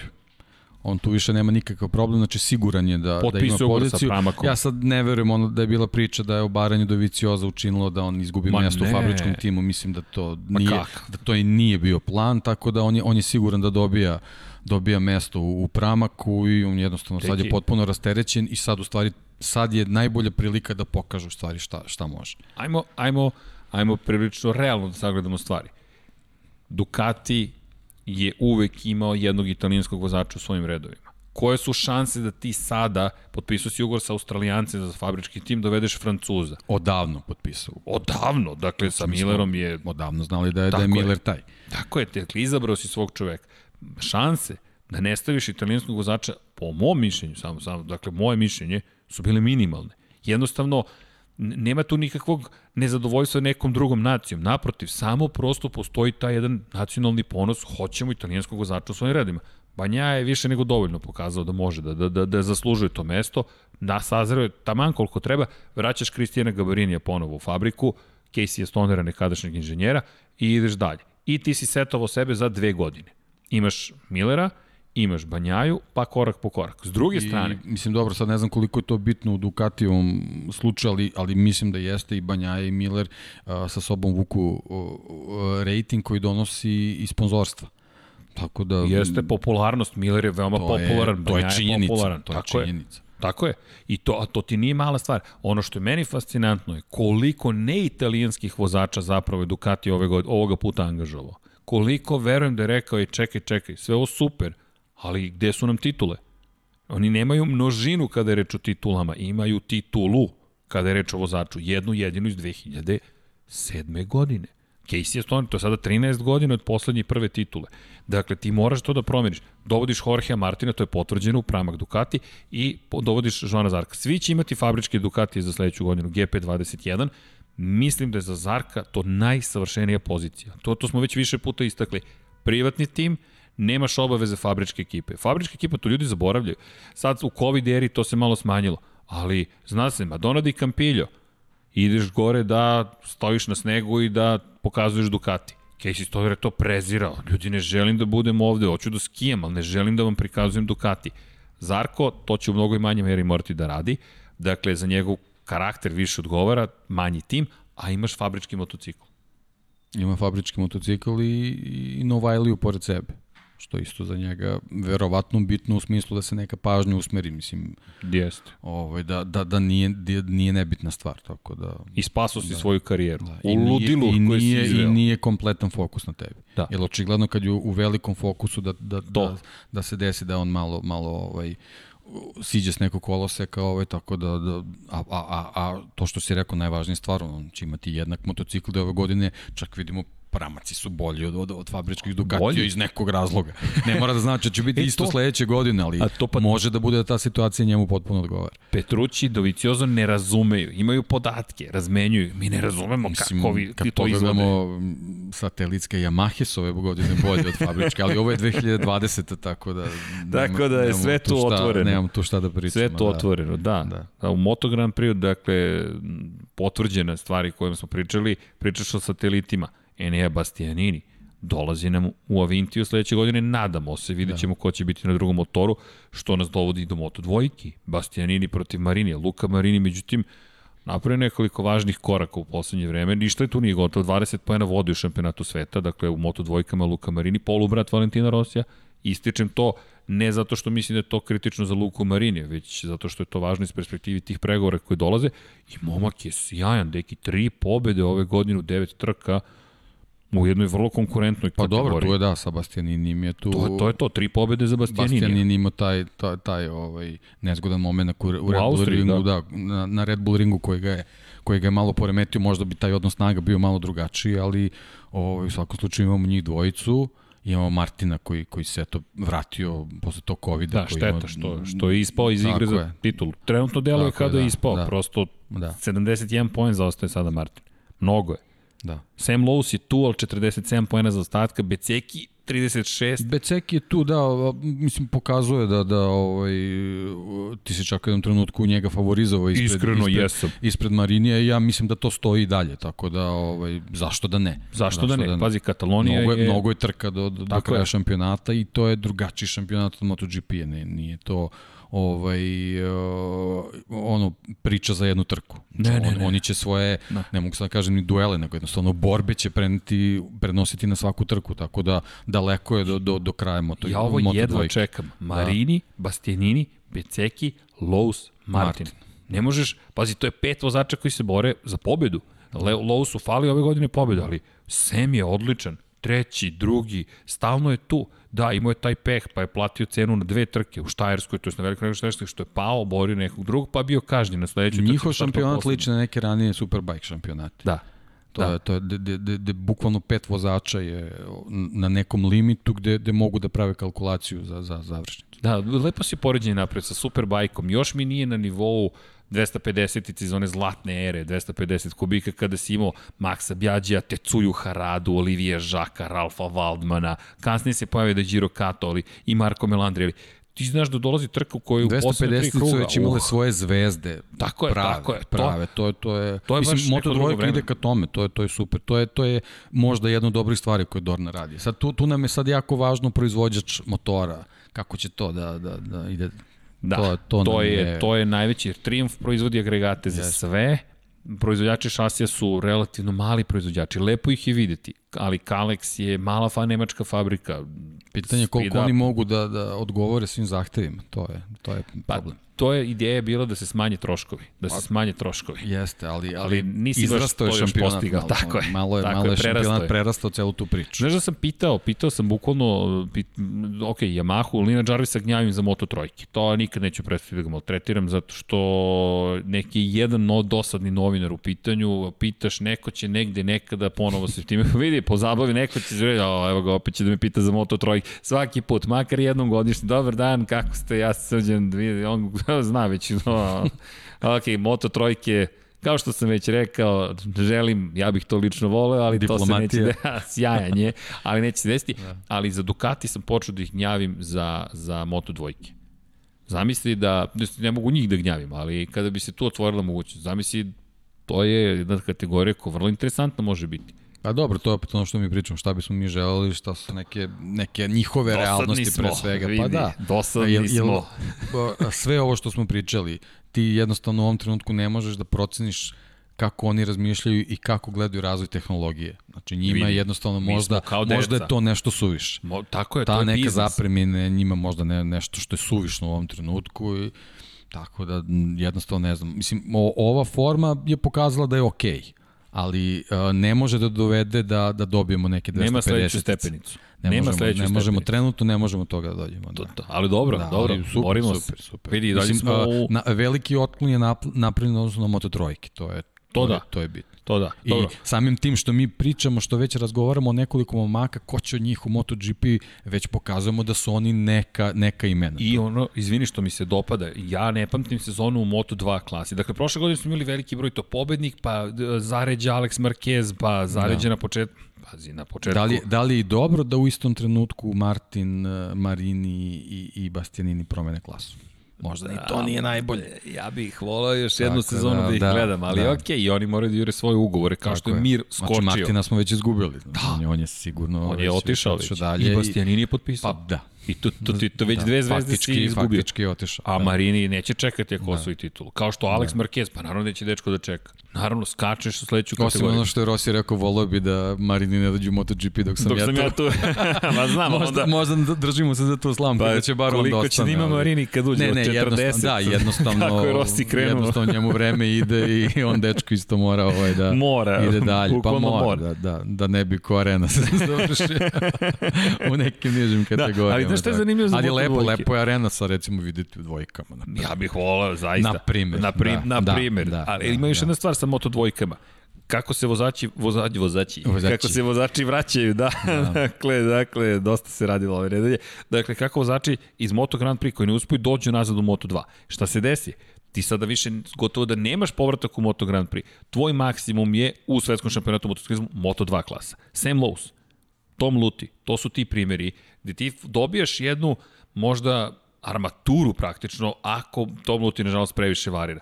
Ali Lowe's ako može da bude to, ako Luti može, može da se opore, mogli bi veterani Moto Grand Prix klase da nađu svoje mesto u Moto dvojkama. Ne svi, naravno, i ne mislim da veliki šampioni to žele nužno, ali taj, po, ti povratnici sa Novajlijama iz Moto trojki da, bi mogli da bude dobar osim mix. ako tu bude neki možemo da ga nazovemo biznis plan, da te veterane vidimo u E kategoriji. To je sad sledeća tema. Tako da... Hoćemo da skočimo na E pa da se vratimo na trojke, kako god želiš. Vidi, jer to jeste upravo pitanje. E, Moto E, e, e klasi u ovom trenutku trebaju malo performantniji motocikli. Pa, prvi problem, izvini. Ja stvarno se izvinjam, ali ja tu ne znam kako, kako Vidi. tu sad sve to može da, da ovaj napreduje su... i treba im jedno zvučno ime. Da, ali znaš gde, gde ja vidim imena? Ne samo kod vozača. Ti imaš samo jednog proizvođača, ti imaš Energy koja je dobila jedan ugovor koji je važan, međutim, šta se tu desilo? Malo pre si spomenuo Moto E da je u okviru ovog šampionata. Jeste. Međutim, Formula 1, vođena Bernie Ecclestonom, je potpunosti pocenila zapravo električni pogon. Bernie nije bio zainteresovan Dobro, za. Bernie Eccleston je na trenutku sve što radio bila je neka stramputica. Mislim, realno. Zato se na kraju desilo sa Formula 1 šta, se desilo. Tako je. I, Tako da to nije baš relevantno za, ne, za, za taj neki način. Ali hoću nešto drugo da kažem. Tu je propuštena prilika da Formula 1 i Formula E zapravo budu pod jednim krovom. Ne kažem da je to prilika, možda je to bolje što se ovako desilo, ja mislim da je čak pa, bolje. Mislim da je FI važnije da je pod njihovim krovom. Sad, da li je organizator isti, oni su ovako dobili neke nove staze, neke, neke, nove, neke nove pozicije koje sa Formula 1 nisu mogli da e. imaju e, zbog svih tih nekih ugovora upravo to. konkurskih i raznih. Tako je. Tako Ali da, to me dovodi, da, izvini, do Moto da. E. Šta je problem Moto E klase? Upravo suprotno. Dorna je, videvši šta se desilo u Formuli 1, rekla ne, ovo ide pod naše okrilje.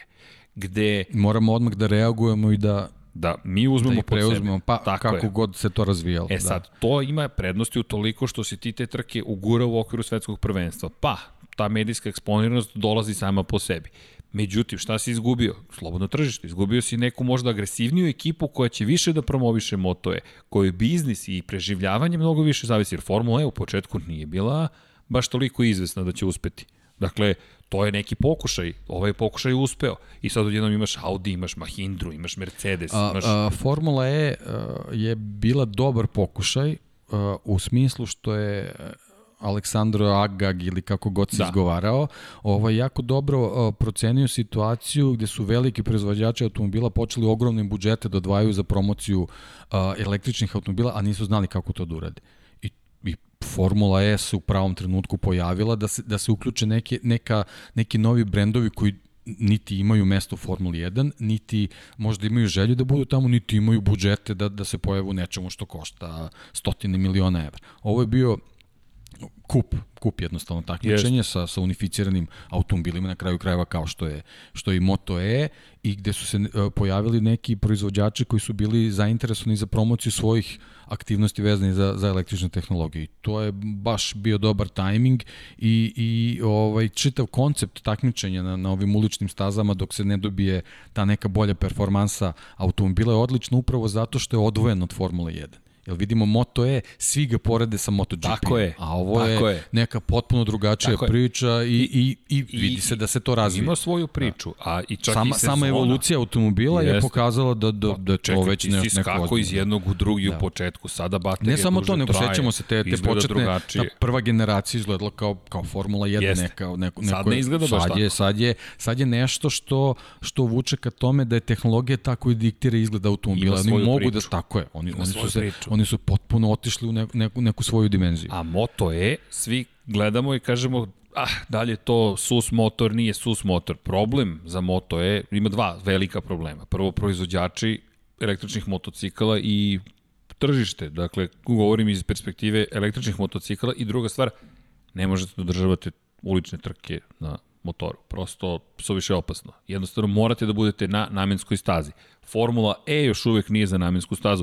Gledao sam testove u Valenciji i baš je priča bilo o tome koliko moraš drugačije da pristupiš prvom krugu, da moraš da napuniš bateriju, da kako se prazni, šta imaš i tamo sistem KERS, praktično sistem, to je sistem za oporavljanje električne energije, dakle pretvaranje zapravo mehaničke u električnu energiju. I onda stil vožnje je drugačiji. Ti sa motorima, e-motor, sa električnim motorima, ne možeš da izađeš na, na, na, na, na ulicu a velika je marketinška stvar što se vozi, jer pričaš u ekologiji, u centru si grada i to su neki gradovi koji žele da, da se nametu kao metropole. Da, vožnje motocikla na uličnim stasama je jako opasno. Kažem, kažem, nemoguće, da ne možeš, ne, mo, ne nemoguće misije. Ne možeš. I njima je praktično jedina mogućnost bila znači ili da se priključe MotoGP-u ili Superbike-u pošto je cela priča vezana za Dornu i FIM, logično je bilo da, da, je, da je Dorna je kupila MotoGP, Superbike, tako, ali njeno tako, srce i dalje da, Ne, ne, MotoGP je taj realno. koji donosi novac. To tako je, je, to, je, to je ključna stvar. big draw. I sad privlači pažnju. Superbike je nešto što, što mi volimo kao, kao tu priču, ali, ali realno, realno kad se pogleda MotoGP je taj ta osnova koja zvezda. donosi novac. Tako. To je najveća zvezda. Tako I onda imaš Moto E gde imaš jednog proizvođača. Tako da, dok ne dođu proizvođači, dok ne dođu velika imena, pitali su Marka Markeza, e, moram ti se pohvalim, sport klub, dakle, pitali smo ga 2012. da li bi vozio električne motocikle. To je, ne, 2011. smo ga to pitali, pošto smo znali da to dolazi, ali sad ga pitaju da li bi prešao, kao, kaže ne, i Vinjale su se pitali, a, nije još vreme za takva razmišljanja, jer još nema tu draž, taj šampionat, iz perspektive validiteta publike, da publika kaže, ja, to je Moto je šampion. A to je važno, to je u celoj priči važno. Ali, Mateo Ferrari, Dominik Egerter, Jordi Torres, Matija Casadei, ljudi, bitka otvorena. 15 poena, 16 suštinski deli ove momke i imamo dve trke ovog vikenda. I mislim da će biti super, da, i da, to je biće, dobro. Sad, eto, bo, naravno, i njima veliku, veliku ulogu igra, igrati vremenski uslovi, ne znam ovaj, kako, kako to sve može na, na njih da utiče, ali eto, Mislim, već smo videli trke. To su teški motocikli. To je preko 200 da. kg samo motocikl. Dakle, mi pričamo o 150 kg za, za Moto Grand Prix. Pa, mašin. to je slično zbog ono tamo ta dva točka. Mislim, to je sve ostalo, sve ostalo prilično, prilično različno. I krugovi su za sada malo spori od krugova Moto3 klase. Da, što je, što je ono, lep napredak. Lep, lep napredak. Lep napredak I da. sad ove godine trebalo već da se vidi evolucija motora otkazan, to je odložen je zbog covid čekamo novi motor, pre svega da se smanji težina baterije. Pre svega da se smanji težina baterije, to je najvažnija stvar. Tu verujem da postoji budućnost u kontekstu razvoja tehnologije. Da, tehnologija se, razvija u nekim drugim segmentima, tako, tako da će je. oni praktično nju samo pokupiti. Preneće se. Tako je, preneće, preneće se i to im je nekako možda i, i, i nezgodno zvučili najjeftinija stavka u razvoju, zato što je to tehnologija koja se dobije. Jeste. Tako da ovaj, vidimo, vidimo da i automobilima je tu drugačije, samo je toj Formuli E da smo došli do toga da, da jedan automobil može da izdrži ovaj, čitavu trku, to je znači posle pet godina ozbiljno dobar napredak. Jeste.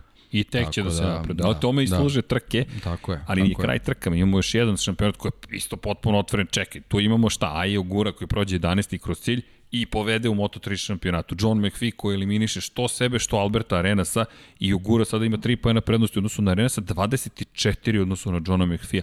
Kakav, kakva promena u Kataloniji, iako je Ogura odvezao najgoru svoju trku ove sezone. Pa eto, ispadne da je McPhee taj koji je ovaj, bio scenarista. svega, da, svega, svega praktično. Tako da ovaj, na njemu je, na, na njemu, njemu je da se priključi tu. Sad o, videlo se da te neke ovaj, taktike s tim nekim manevrima jednostavno ne, ne, ne, Nisu ne, ne piju vodu i, i mislim, nezgodno je pričati kao za druge kategorije, ali, ali očigledno da u njegovom slučaju to važi, mora da ima bolji plasman u kvalifikacijama. Ne, ne može da pri, priušti sebi još jednu trku da očigledno da je to moguće, da. ali ne možeš svaku trku sa, sa, sa nekog začelja da, da se boriš. Napravit ćeš grešku. I pro, tako je. Napravit ćeš grešku kao što si sada napravio, samo što si sada povukao i arena sa Sasolom. Da.